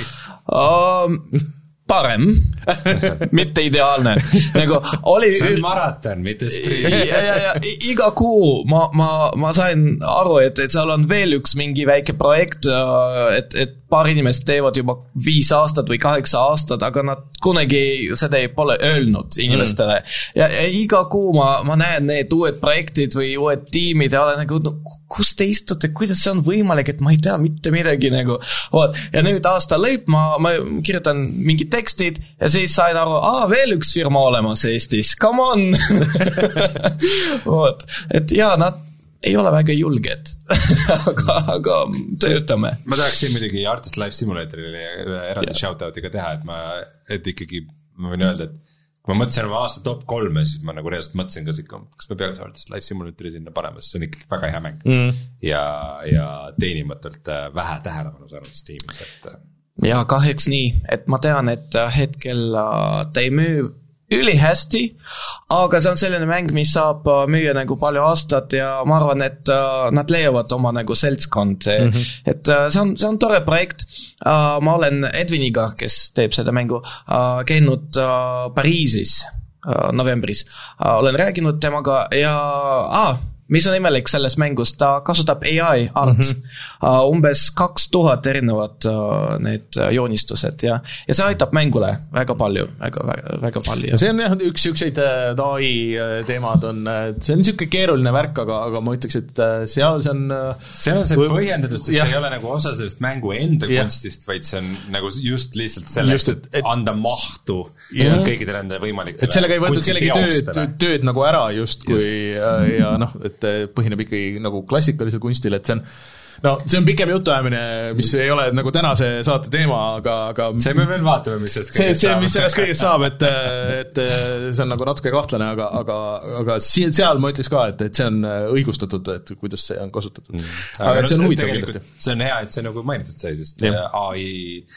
kunsti teke on nagu asi, No, mis kindlasti kaks tuhat kakskümmend kaks aastal on mängumaailma puudutanud. ja, ja tegelikult ju selles mõttes äh, et is Eesti, jah, ja, ja Eesti on olnud ju teistpidi ka pildil, et, et noh, Plague Tale'is oli Eesti muusika, et et noh, natuke ikkagi nagu toob niisugust äh, tähelepanu võib-olla siia, mida muidu ei ole. ja ma saan veel öelda, et, et uh, Ringtail uh, kasvas uh, umbes viiskümmend protsenti sel aastal, Ringtail stuudio uh, Tallinnas uh,. nüüd on uus office Moldovas ja uus office Tbilisi, Georgia mm. -hmm. et nüüd kolm riigid ja viimane mäng, kus olivad 3D mudelid, mis olid Tallinnas tehtud, oli um, Destroy All Humans two mm.. et seal väga palju need 3D mudelid oli tehtud Eestis ja oli mäng uh, The Quarry ja seal Aa, animatsioon mm -hmm. uh, oli nagu mocap ja kõik need asjad uh,, mitte nagu tehtud Eestis, aga cleaned mm -hmm. nagu.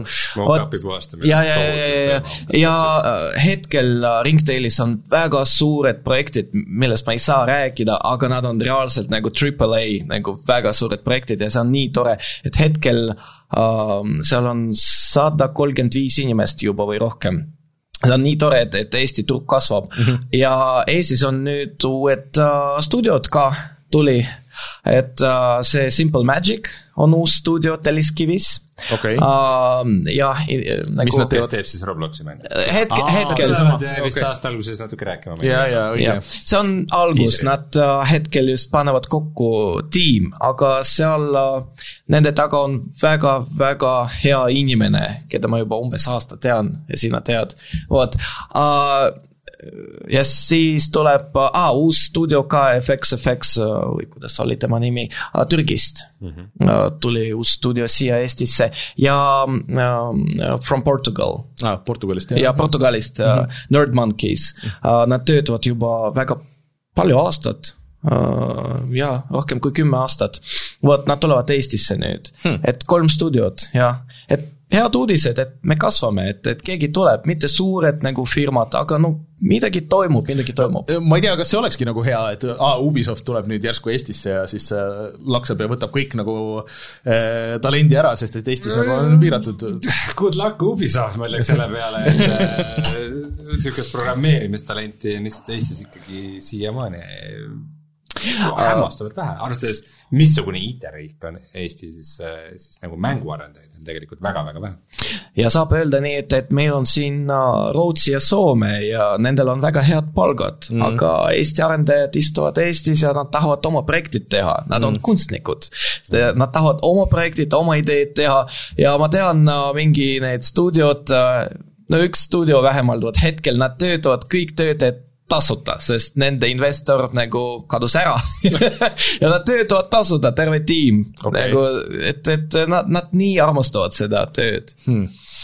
no ma ütleks, et võib-olla niimoodi ei peaks päris olema asjad, aga ja no juhtub, juhtub okay., aasta lõpp on väga raske hetkel, sest okay. kõik see NFT, krüpto, kõik mm. läks alla ja paar stuudiot äh, hetkel nendel on väga raske aeg, raske aeg. Ma arvan, et kui nad tegid krüptotöid, siis see on see risk, mille Siis nad võtsid siis ma ma neile väga palju kaasa ei tunne kahjuks, et mis on imelik, nad ei teinud nagu krüptomängud, aga nende investorid oli krüptost, aga mängud oli nagu mobiiltelefonimäng või mingi nagu multiplayer shooter mäng, aga ei ole nagu krüptoprojekt mm., aga no raha läks sealt mm. nagu. nad oleks pidanud enne kiiremini nagu selle raha välja võtma, nii et aga jah, aga hea kuulda, et nagu põhimõtteliselt, ma tegelikult tahtsingi küsida, et, et noh, et iga aasta on tõus olnud, et kas, kas see on nagu äh, juhtus niimoodi, et see aasta on kaheksa, et kas järgmine aasta või on kümme või on neli, aga sellele sa juba vastasid ära, et et pi- pigem nagu siis äh, natuke vähem. ja see oli vaikne aeg, kui oli koroona mm. -hmm. vot, ja muidugi oli noh, paljud mõelnud, et no halb aeg nagu release teha mm. -hmm. Vot nüüd kõik tegi oma release ja nüüd ootame. ma arvan, et aasta kakskümmend, kakskümmend neli on siis järgmine aasta, kui tuleb noh, kaheksa mängu, kümme mängu. aga järgmine aasta ma arvan, et on vaikne, et paar, paar mängu tuleb välja. okei okay., tõusud ja mõõnad, aga üldine suund on ikkagi üles. jah, üles jah, ja, ja um,. aasta alguses, jaanuaris-veebruaris ma siis teen kõik need uh, Zoom kõned ja kirjutan sada kirju ja panen kokku kõiki in- informatsioone, siis teen uus uh, selline voldik, et infovoldik uh, Estonian Games Industry uh, twenty twenty two, siis vaatame, kas me kasvame ja kuidas me kasvame. aga ma tean, et kakskümmend, kakskümmend ja kas kakskümmend üks kasv oli kakskümmend protsenti umbes. Et revenue mm. -hmm. et äh, väga vähe on äh, tööstusharusid, kus äh, see kasv on ikkagi nagu nii mm -hmm. suur nagu selles mõttes, et äh, numbrid võib-olla ei ole iseenesest nii suured, aga kasv on suur mm. -hmm. Aga head uudised, kuidas sul endal nagu teiste, on sul aega mingeid muid mänge ka mängida kui Eesti mänge vaadata lihtsalt, kas sa oled midagi jõudnud selle aasta sees? umbes ei ole aega kahjuks, tööd on liiga palju, et ma proovin kõik need Eesti mängud ja need mängud, mis äh, keegi veel pole proovinud, nagu need mängud ma olen ka mänginud. vot, või mingi beta releases, alfa releases, nagu ma olen mänginud äh, hiljuti nagu eelmisel nädalal uh, uus uh, Immortal alfa. vot uh, nüüd uh, välja näeb umbes nagu valmis mäng, et uh, reaalselt väga hästi töötab uh,, seal on nii palju asju teha uh,. kogu aeg uh, mängin uh, Broken Alliance, mis seal toimub, vot uh,. Broken Alliance'ist tuletame meelde, on siis Heroes of Might and Magic'u laadne mäng, mis mm, -hmm. mis Eestis on töös. vot. Placeholderi järgi mäng. jah, et uh, Exodus of Souls ka selline nagu jah, oma mäng. Aga ma olen mänginud väga palju City Skylines ja okay. ma ei tea, miks, aga öösel ma istun nagu olen väga väsinud, okei okay,, teeme siin pank mingi okei okay,, okei okay., kasvame seda, ma ei tea, miks, ma ei tea Lin-, linnaplaneering. ja linnaplaneering jah. kõik need ideed, mis siin käid mööda Tallinnat ringis, ah, ma teen ise oma linna miks see ristmik ei ole nii efektiivne? ja ma saaks palju parem, näed, ma tegin, ja jalgrattaraada on hea, mitte punane ja, ja, ja kõik need asjad. kusjuures siin äh, Steam'i talvemüügis ma äh, vaatasin, mis, mis mänge on hea hinnaga minu wishlist'is ja äh, sinu ja Martin soovitatud Mini Motorways mm. on nüüd siis minu repertuaaris olnud viimased õhtud. aa, no see on väga hea niisugune eurone väljaminek ilmselt või midagi niisugust ja suht odav jah, ja see on väga, väga zen. väga zen jah, see on ka telefonidel olemas, telefonil töötab päris hästi. Aga Andrei, suured tänud, ma arvan, et me saime päris hea ülevaate, nii et äh, me laseme sind vabaks, kutsume tagasi Martini ja siis äh, võtame võib-olla mõned küsimused publikult, kui neid on, enne kui saate saateks kutsume. aga suured tänud!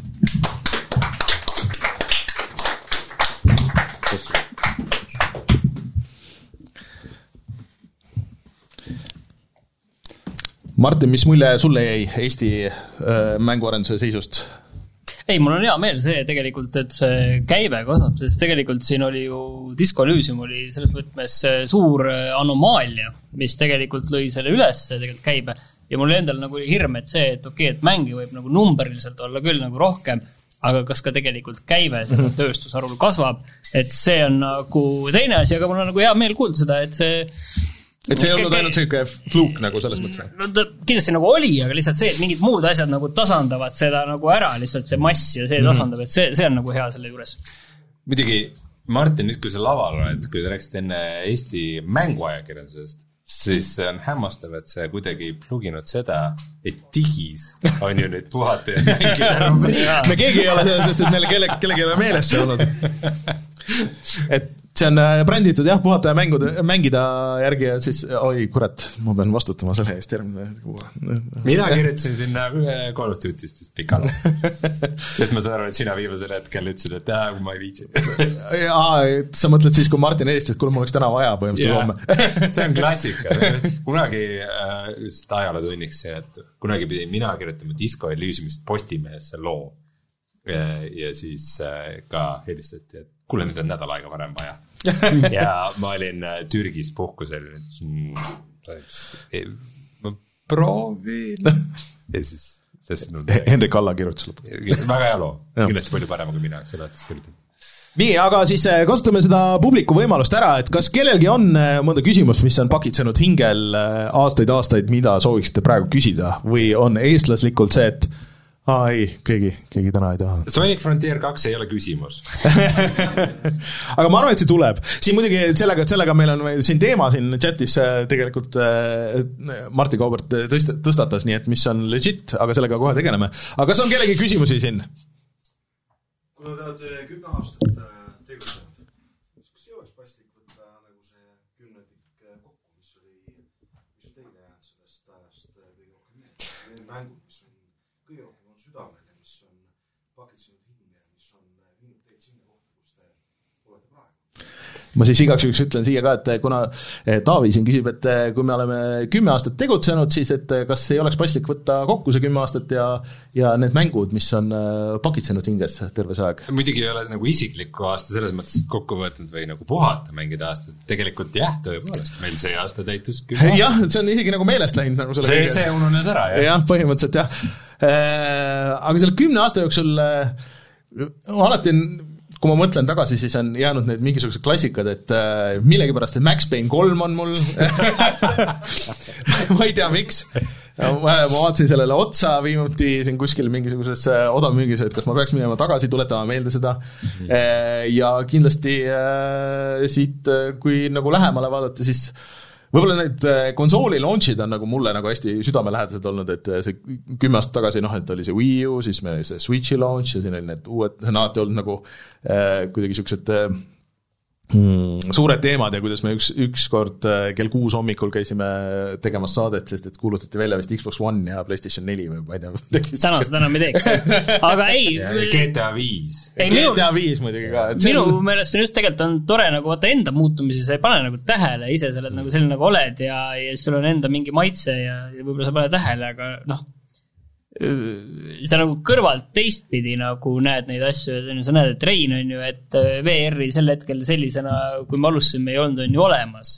ja sa näed, kuidas Rein on nagu selle aja jooksul muutunud no. ja kuidas ta on sinna sisse läinud ja, ja siis vähemalt, et ta ei ole nagu täitsa sinna sisse läinud, ta ei ole nagu sinna ära kadunud, et ta on ikka veel Rein nagu kole olemas ka ma. olen ainus inimene seal sees, on ju. ja sa, ma ma olin selle hetke kõrval, kui Rein pani need, need prillid pähe ja sõitis esimest korda selle rollercoaster'ile ja siis sealt see kõik läks. ja, ja Raineriga on siis niiviisi, et et ta on samasugune Midagi pole muutunud. ei ole nagu natuke, selles mõttes on küll naljakas, et nagu me oleme natuke nagu, ma arvan, kümme aastat teinud tegelikult nagu, nagu sama asja. me oleme nagu mingid samad tüübid, kes nagu saavad kokku ja räägivad nendest samadest mängudest ja see süsteem meie ümber, nagu see taustsüsteem on tegelikult ikkagi tohutult muutunud, noh, mitte ainult see, et me oleme ise nagu vanemaks saanud ja ja, ja, ja sellega seoses, aga ka nagu see, et kunagi, et see, et me hakkame mänguvideosid tegema, oli mingi tohutu tehniline task, mida umbes ainult tänu sellele me saime teha, et, et, et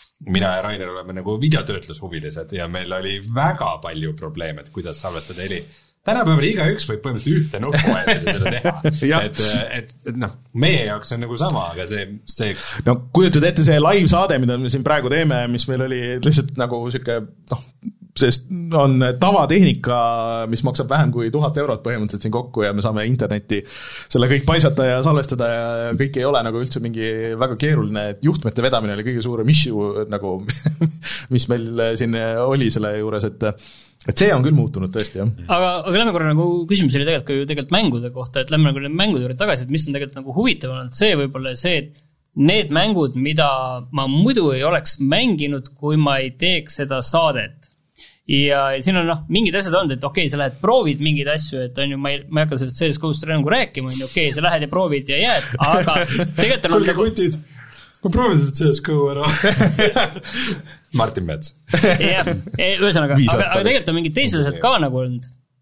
et üks asi lihtsalt äh,, kunagi sai tasuta lihtsalt neid äh, Ubisofti mänge, saime ja, ja siis üks asi lihtsalt oli, oli Assassin's Creed, et mina olen mänginud seda esimest kunagi, kui see tuli, et noh, siis see oli nagu täiesti nagu muutev asi, aga seda mina mängisin hiljem natukene, ei ole läbi teinud. ja siis tulid need teine, Revelations, mingi veel, ja siis tulid need järgmised mängud.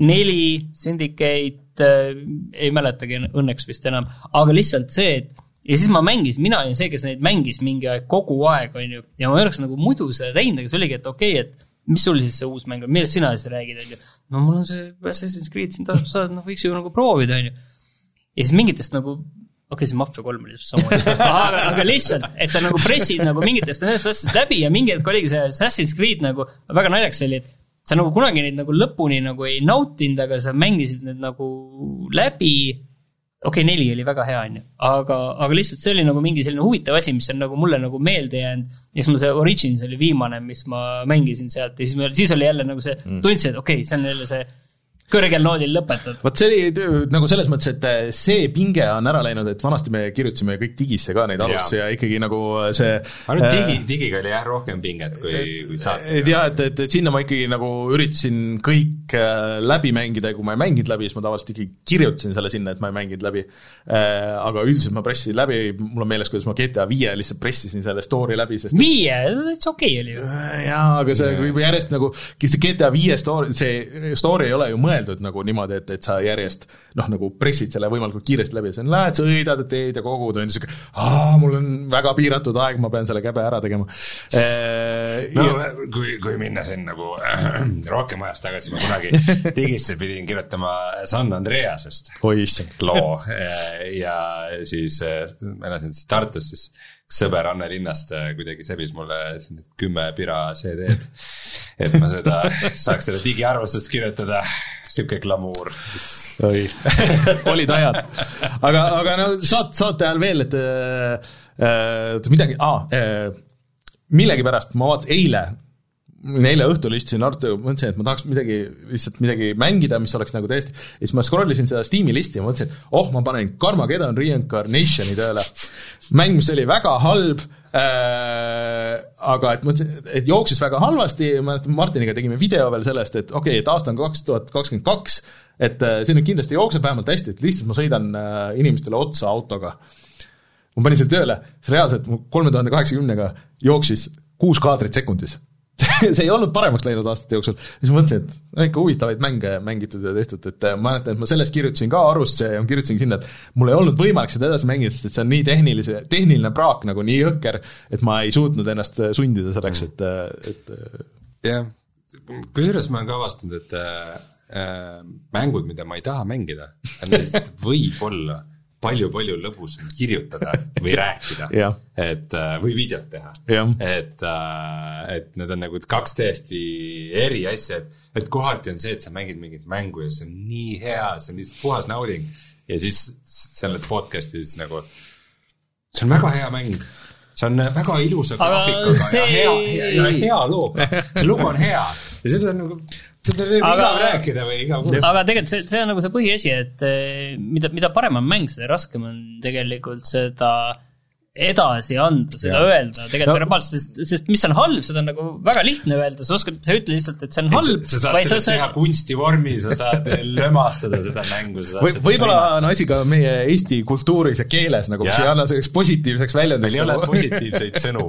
et jah, et äh, liht-, lihtsam on midagi maha teha ja rääkida, kui halb see on. meil on nagu sõna hea, et see tähendab, et äh, või see raskel ajal okei, noh. et äh, jah, et mul on kuidas Eld- hästi. mul on Elden Ringist olnud ka väga raske rääkida, et aa, et ma lihtsalt nii väga naudin seda aega ja kuidas ma, kuidas ma nüüd jälle räägin sellest, et aa, see on ikka väga hea ja võib-olla vaata, kui me kunagi alustasime, siis me tegime seda äh, keelenurka. Ja, jah. et kus me üritame iga saade nagu ühe niisuguse mängusõna eesti keelde tõlkida või pakkuma Mhm. varianti, noh, et ja nagu kuulajad aitavad. et võib-olla peakski tegema nagu toome selle tagasi ja nagu hea, hea kohta mm. rohkem sünonüümi. kusjuures see, see keelenurk on ka kümne aasta jooksul, et see mäng et- lapsib. litib äh,, aga äh, kas äh, massirollikas ongi nagu, nagu nüüd ak- aktsepteeritud sõna, et ma arvan, et meie tõime selle vist. jaa, keegi, keegi ei mäleta seda žanri enam, et äh, nojah, tõsi. WoW-i expansion tuli ju sellel aastal. massirollikas ja tornitõrje. jah. nii, aga kas kellelgi on veel küsimusi, me jäime heietama siin. nii, Sten, kõige piinlikum moment puhata ja mängida ajaloos, küsimärk. kõige piinlikum moment puhata mängida ajaloos. mäletad, üks. raske on valida seda õiget. tavaliselt olen mina seotud nendega, mul on tunne. ma ei tea, kuidas Telliskivis ükskord äh, ma tulin haigena saadet tegema, sest kunagi vaata oli thing, et sa võisid haigena käia igal pool mm.. mäletate? ja siis, ja siis mul tuli lihtsalt keset, kas see võis isegi mingisugune aastalõpusaade või midagi olla, et kus oli rohkem rahvast või midagi. ja mul tuli niisugune massiivne köhahoog, et ma lihtsalt poole lause pealt tormasin välja ja köhisin koridoris. ma ei mäleta seda see see on rohkem sinu, vaata piinlikud hetked endale jäävad nagu rohkem ja meelde. teistel lihtsalt, aa ju tal oli vaja minna. Äh, ma arvan, et üks piinlikumaid momente oli see, kui me üritasime Reinuga Kallisto protokolli videot teha. aga see, see kahjuks ei jõudnud. äh, ja ma tegin selle kõik ära, et siis Rainer kirjutab Messengeri, see on mõni nädal tagasi, et äh, kuule, heli jäi salvest. aga, aga no tegelikult on, tegelikult on ikkagi see, et äh, kõige piinlikumad on ikkagi sellised äh, lihtsad ja selged äh, faktivead kindlasti olnud, et ega siin selles mõttes ei ole vaja nagu kaugelt otsida, et eks No me oleme süüdi meil- kõik, eks me oleme süüdi kõik selles olnud, on ju, aga, aga mõni rohkem kui teine. Õnne, õnneks meil on äh, chat, kes äh, fact check ib, kui me ise ei jõua tänapäeval see on kindlasti üks live-saate eeliseid, et kus me ikkagi saame samas saates parandada, et kui, kui esimesi saateid kuulata, siis see, mis Raineri suust tuli, ikka oli no ütleme, viiskümmend protsenti lihtsalt mingisugune emotsionaalne spekulatsioon. lais, see on ülekohtune. okei, Leri. nii, kas on veel keegi? jah, et täna juba Rainer ütles, et Atari nelikümmend kogumik, kogumik näiteks. ütlesin või? Atari viiskümmend on see, jah, tõesti, vigade parandus siia kohe. ta vähemalt korra ütles õigesti, siis ma nagu esimest korda hakkasin mõtlema, et päriselt see saab viiskümmend olla. jaa, viiskümmend on see.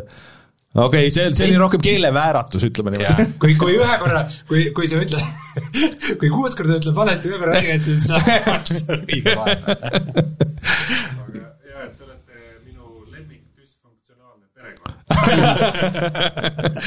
mis rollides? siis ongi, et mul on küsimus siis Rainerile ja Martinile, et kuidas, mis on nagu Raineri saladus, et ta suudab vastu pidada kõik need aastad, kui Rein talle puid alla küsimus on Martinile, et kuidas ta suudab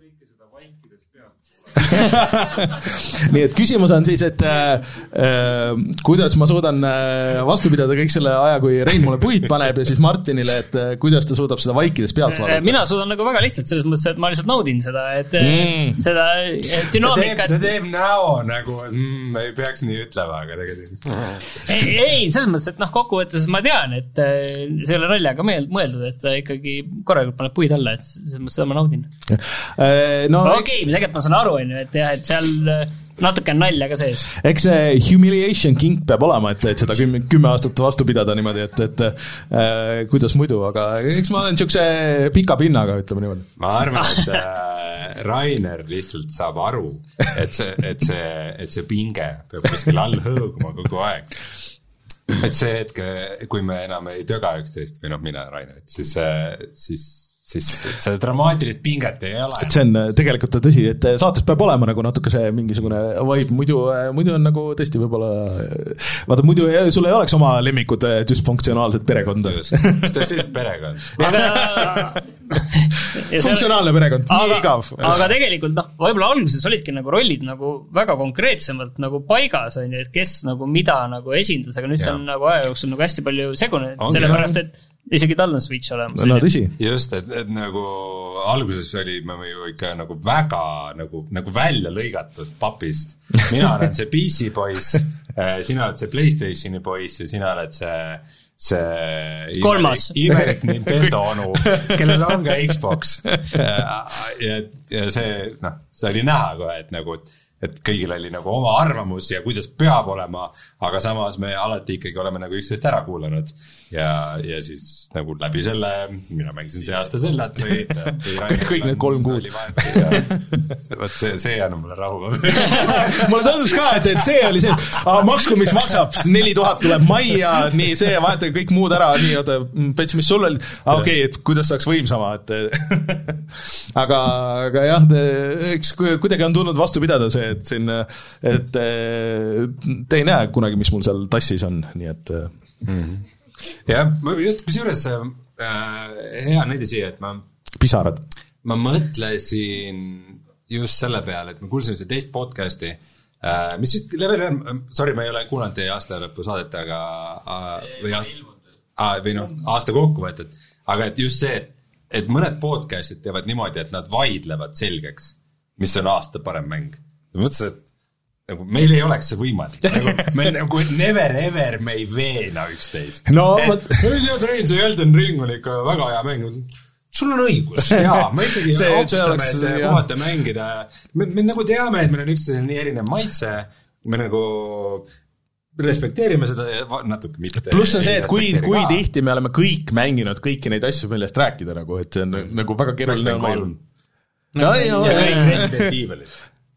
Mitte kõik Resident No Evil'i päris viimased Aga- kolme me ei mänginud. noh, mingi Resident Evil on nagu siuke see Nojah, seeria, mida me tavaliselt Tõsi. kõik mängime, et äh, kusjuures see DLC tuli välja, keegi ei rääkinud sellest midagi. kas Resident Evil kaheksa tuli see, ei, see tuli eelmine aasta. et jah. nii, kas on veel küsimusi? nii. aeg-ajalt äh, Raider ütleb, Rein, see mäng võiks sulle sobida. Martin, see on täpselt sinu mäng. mitte kunagi on vastus. alati on vaikus, alati on pärast seda tükk aega vaikus, kas te olete proovinud ka mõnda? ma, ma, ma võtan kuulda tavaliselt, aga kohati ma küll ei saa aru, miks, miks, miks, miks peaks Evil Within kaks mulle sobima?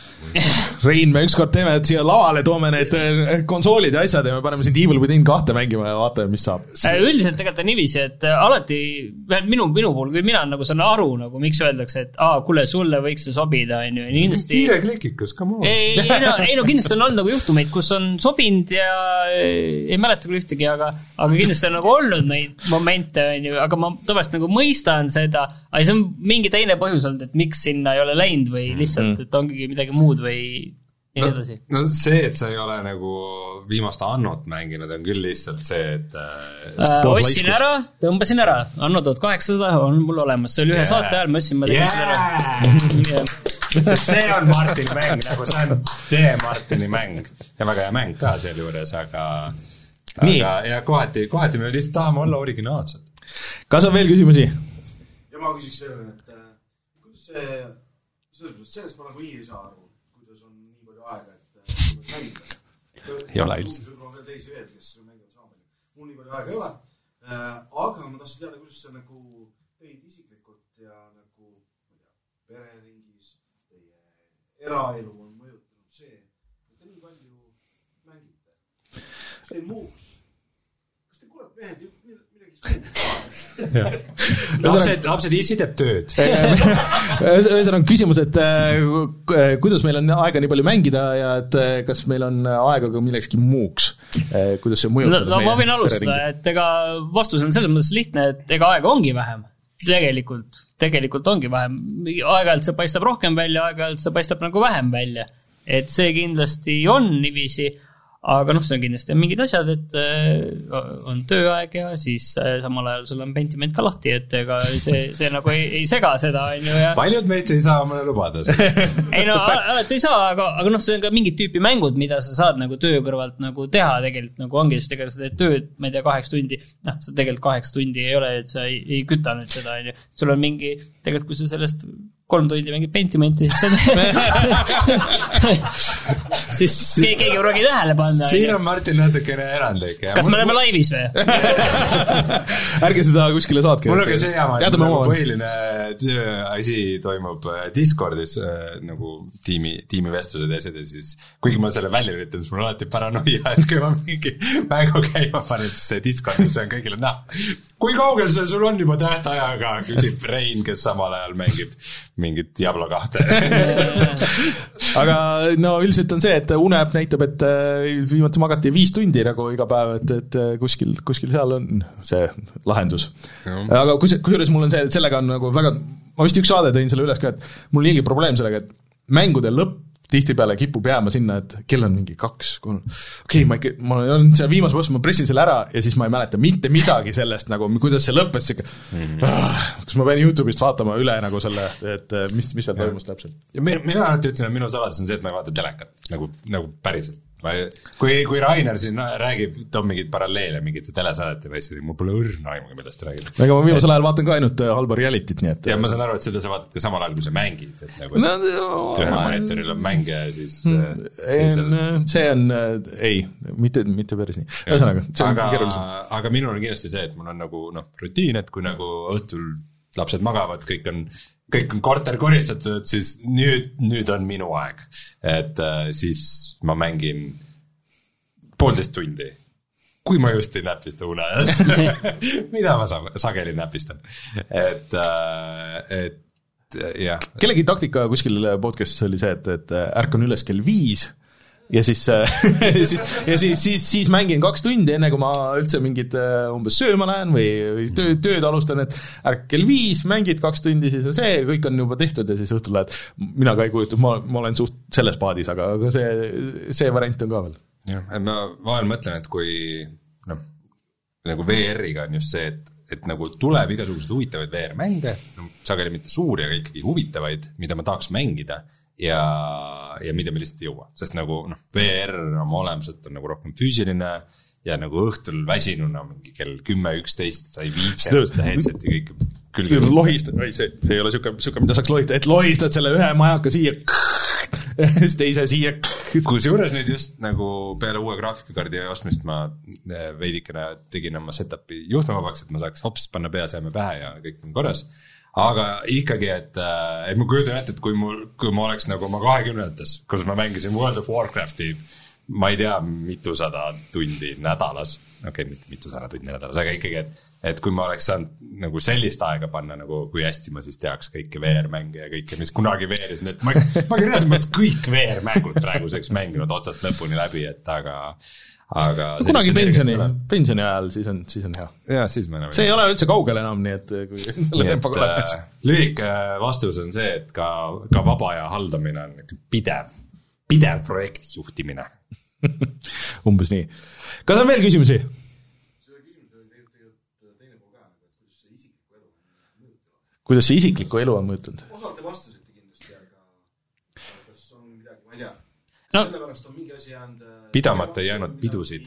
midagi, just äh, saavutatud või midagi, no näiteks Reinul on nagu sellepärast, osalt sellepärast võib-olla, on nagu VR-maailmasse läinud äh, ja mingid muud asjad, midagi, mis on isiklikult äh, isiklikult, kuidas on mõjutanud, et äh, Rein on läinud veermaailma näiteks mm. ja nii edasi. no selles mõttes on küll, et äh, eks meil on äh, neid võimalusi tulnud rääkida, noh, ma teen ju tegelikult iganädalaselt või noh, mitte iganädalaselt, aga, aga seda eh, lastesaadet äh, veel, kus ma räägin lastele mängudest ja nii edasi ja, ja, ja igapäevaselt ega selles mõttes, et kõik teavad, sõbrad teavad, et mängud alati, kui on mingi mänguküsimus, siis pöördutakse minu poole.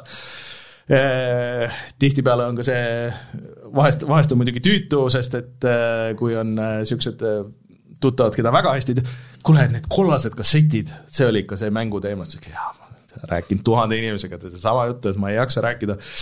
et oh,, et eh, mis siis, kuidas mis sellest uuest Fifast arvad, et ma ei tea, ma ei tea.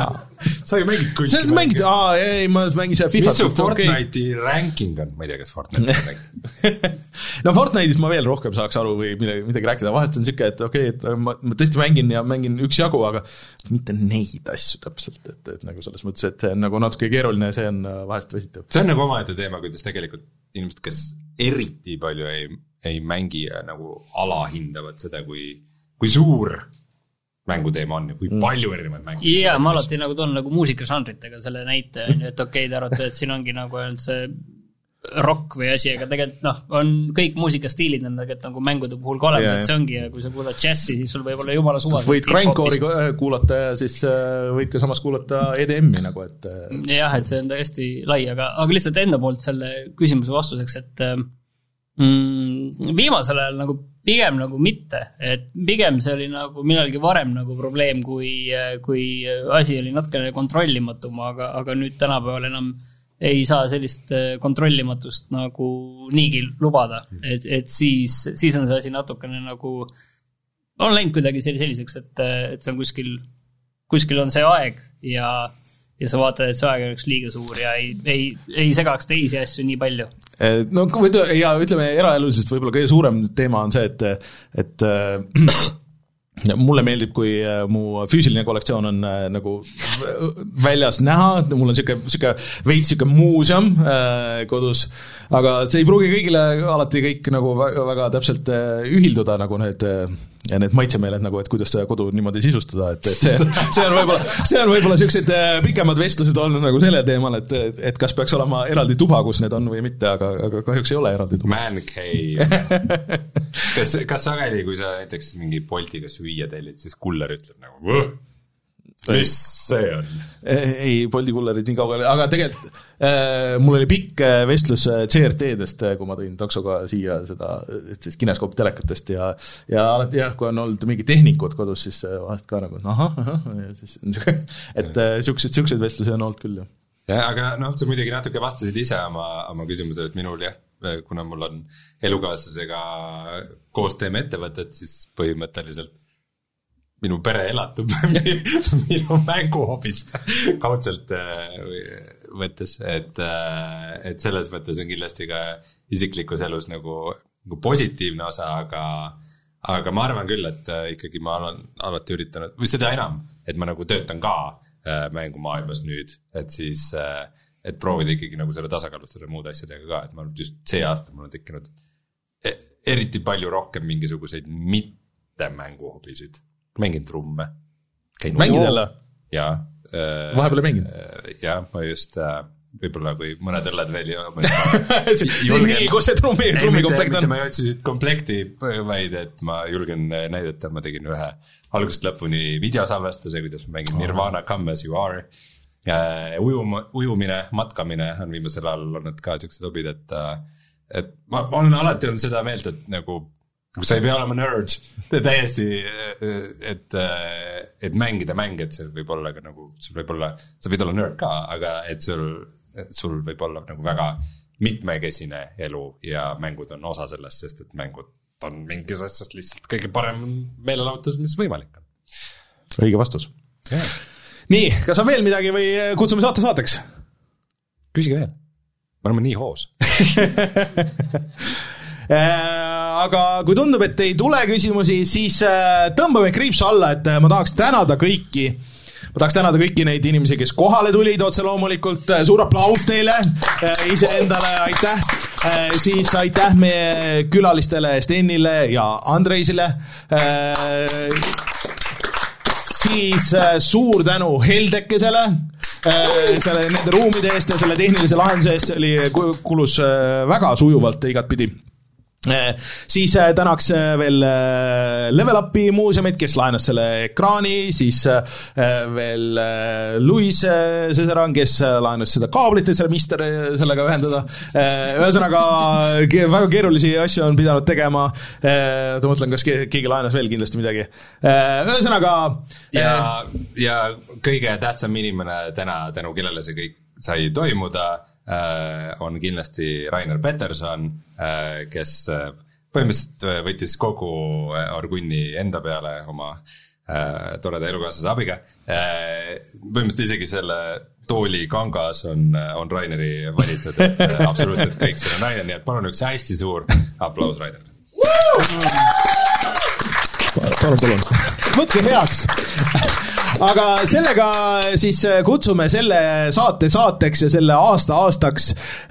tänud kõigile, kes kuulasid, tänud Patreoni toetajatele, me oleme tagasi järgmisel nädalal ja siis juba räägime äh, aastast kaks tuhat kakskümmend kolm, mida me sellest ootame ja kõik see saab tulema üks põnev aasta, kui see list juba lahti võtta, võtta see Gaming in kaks tuhat kakskümmend kolm, see on huh. et äh, aitäh, Rein, aitäh, Martin, mina olen Rainer, tšau tšau.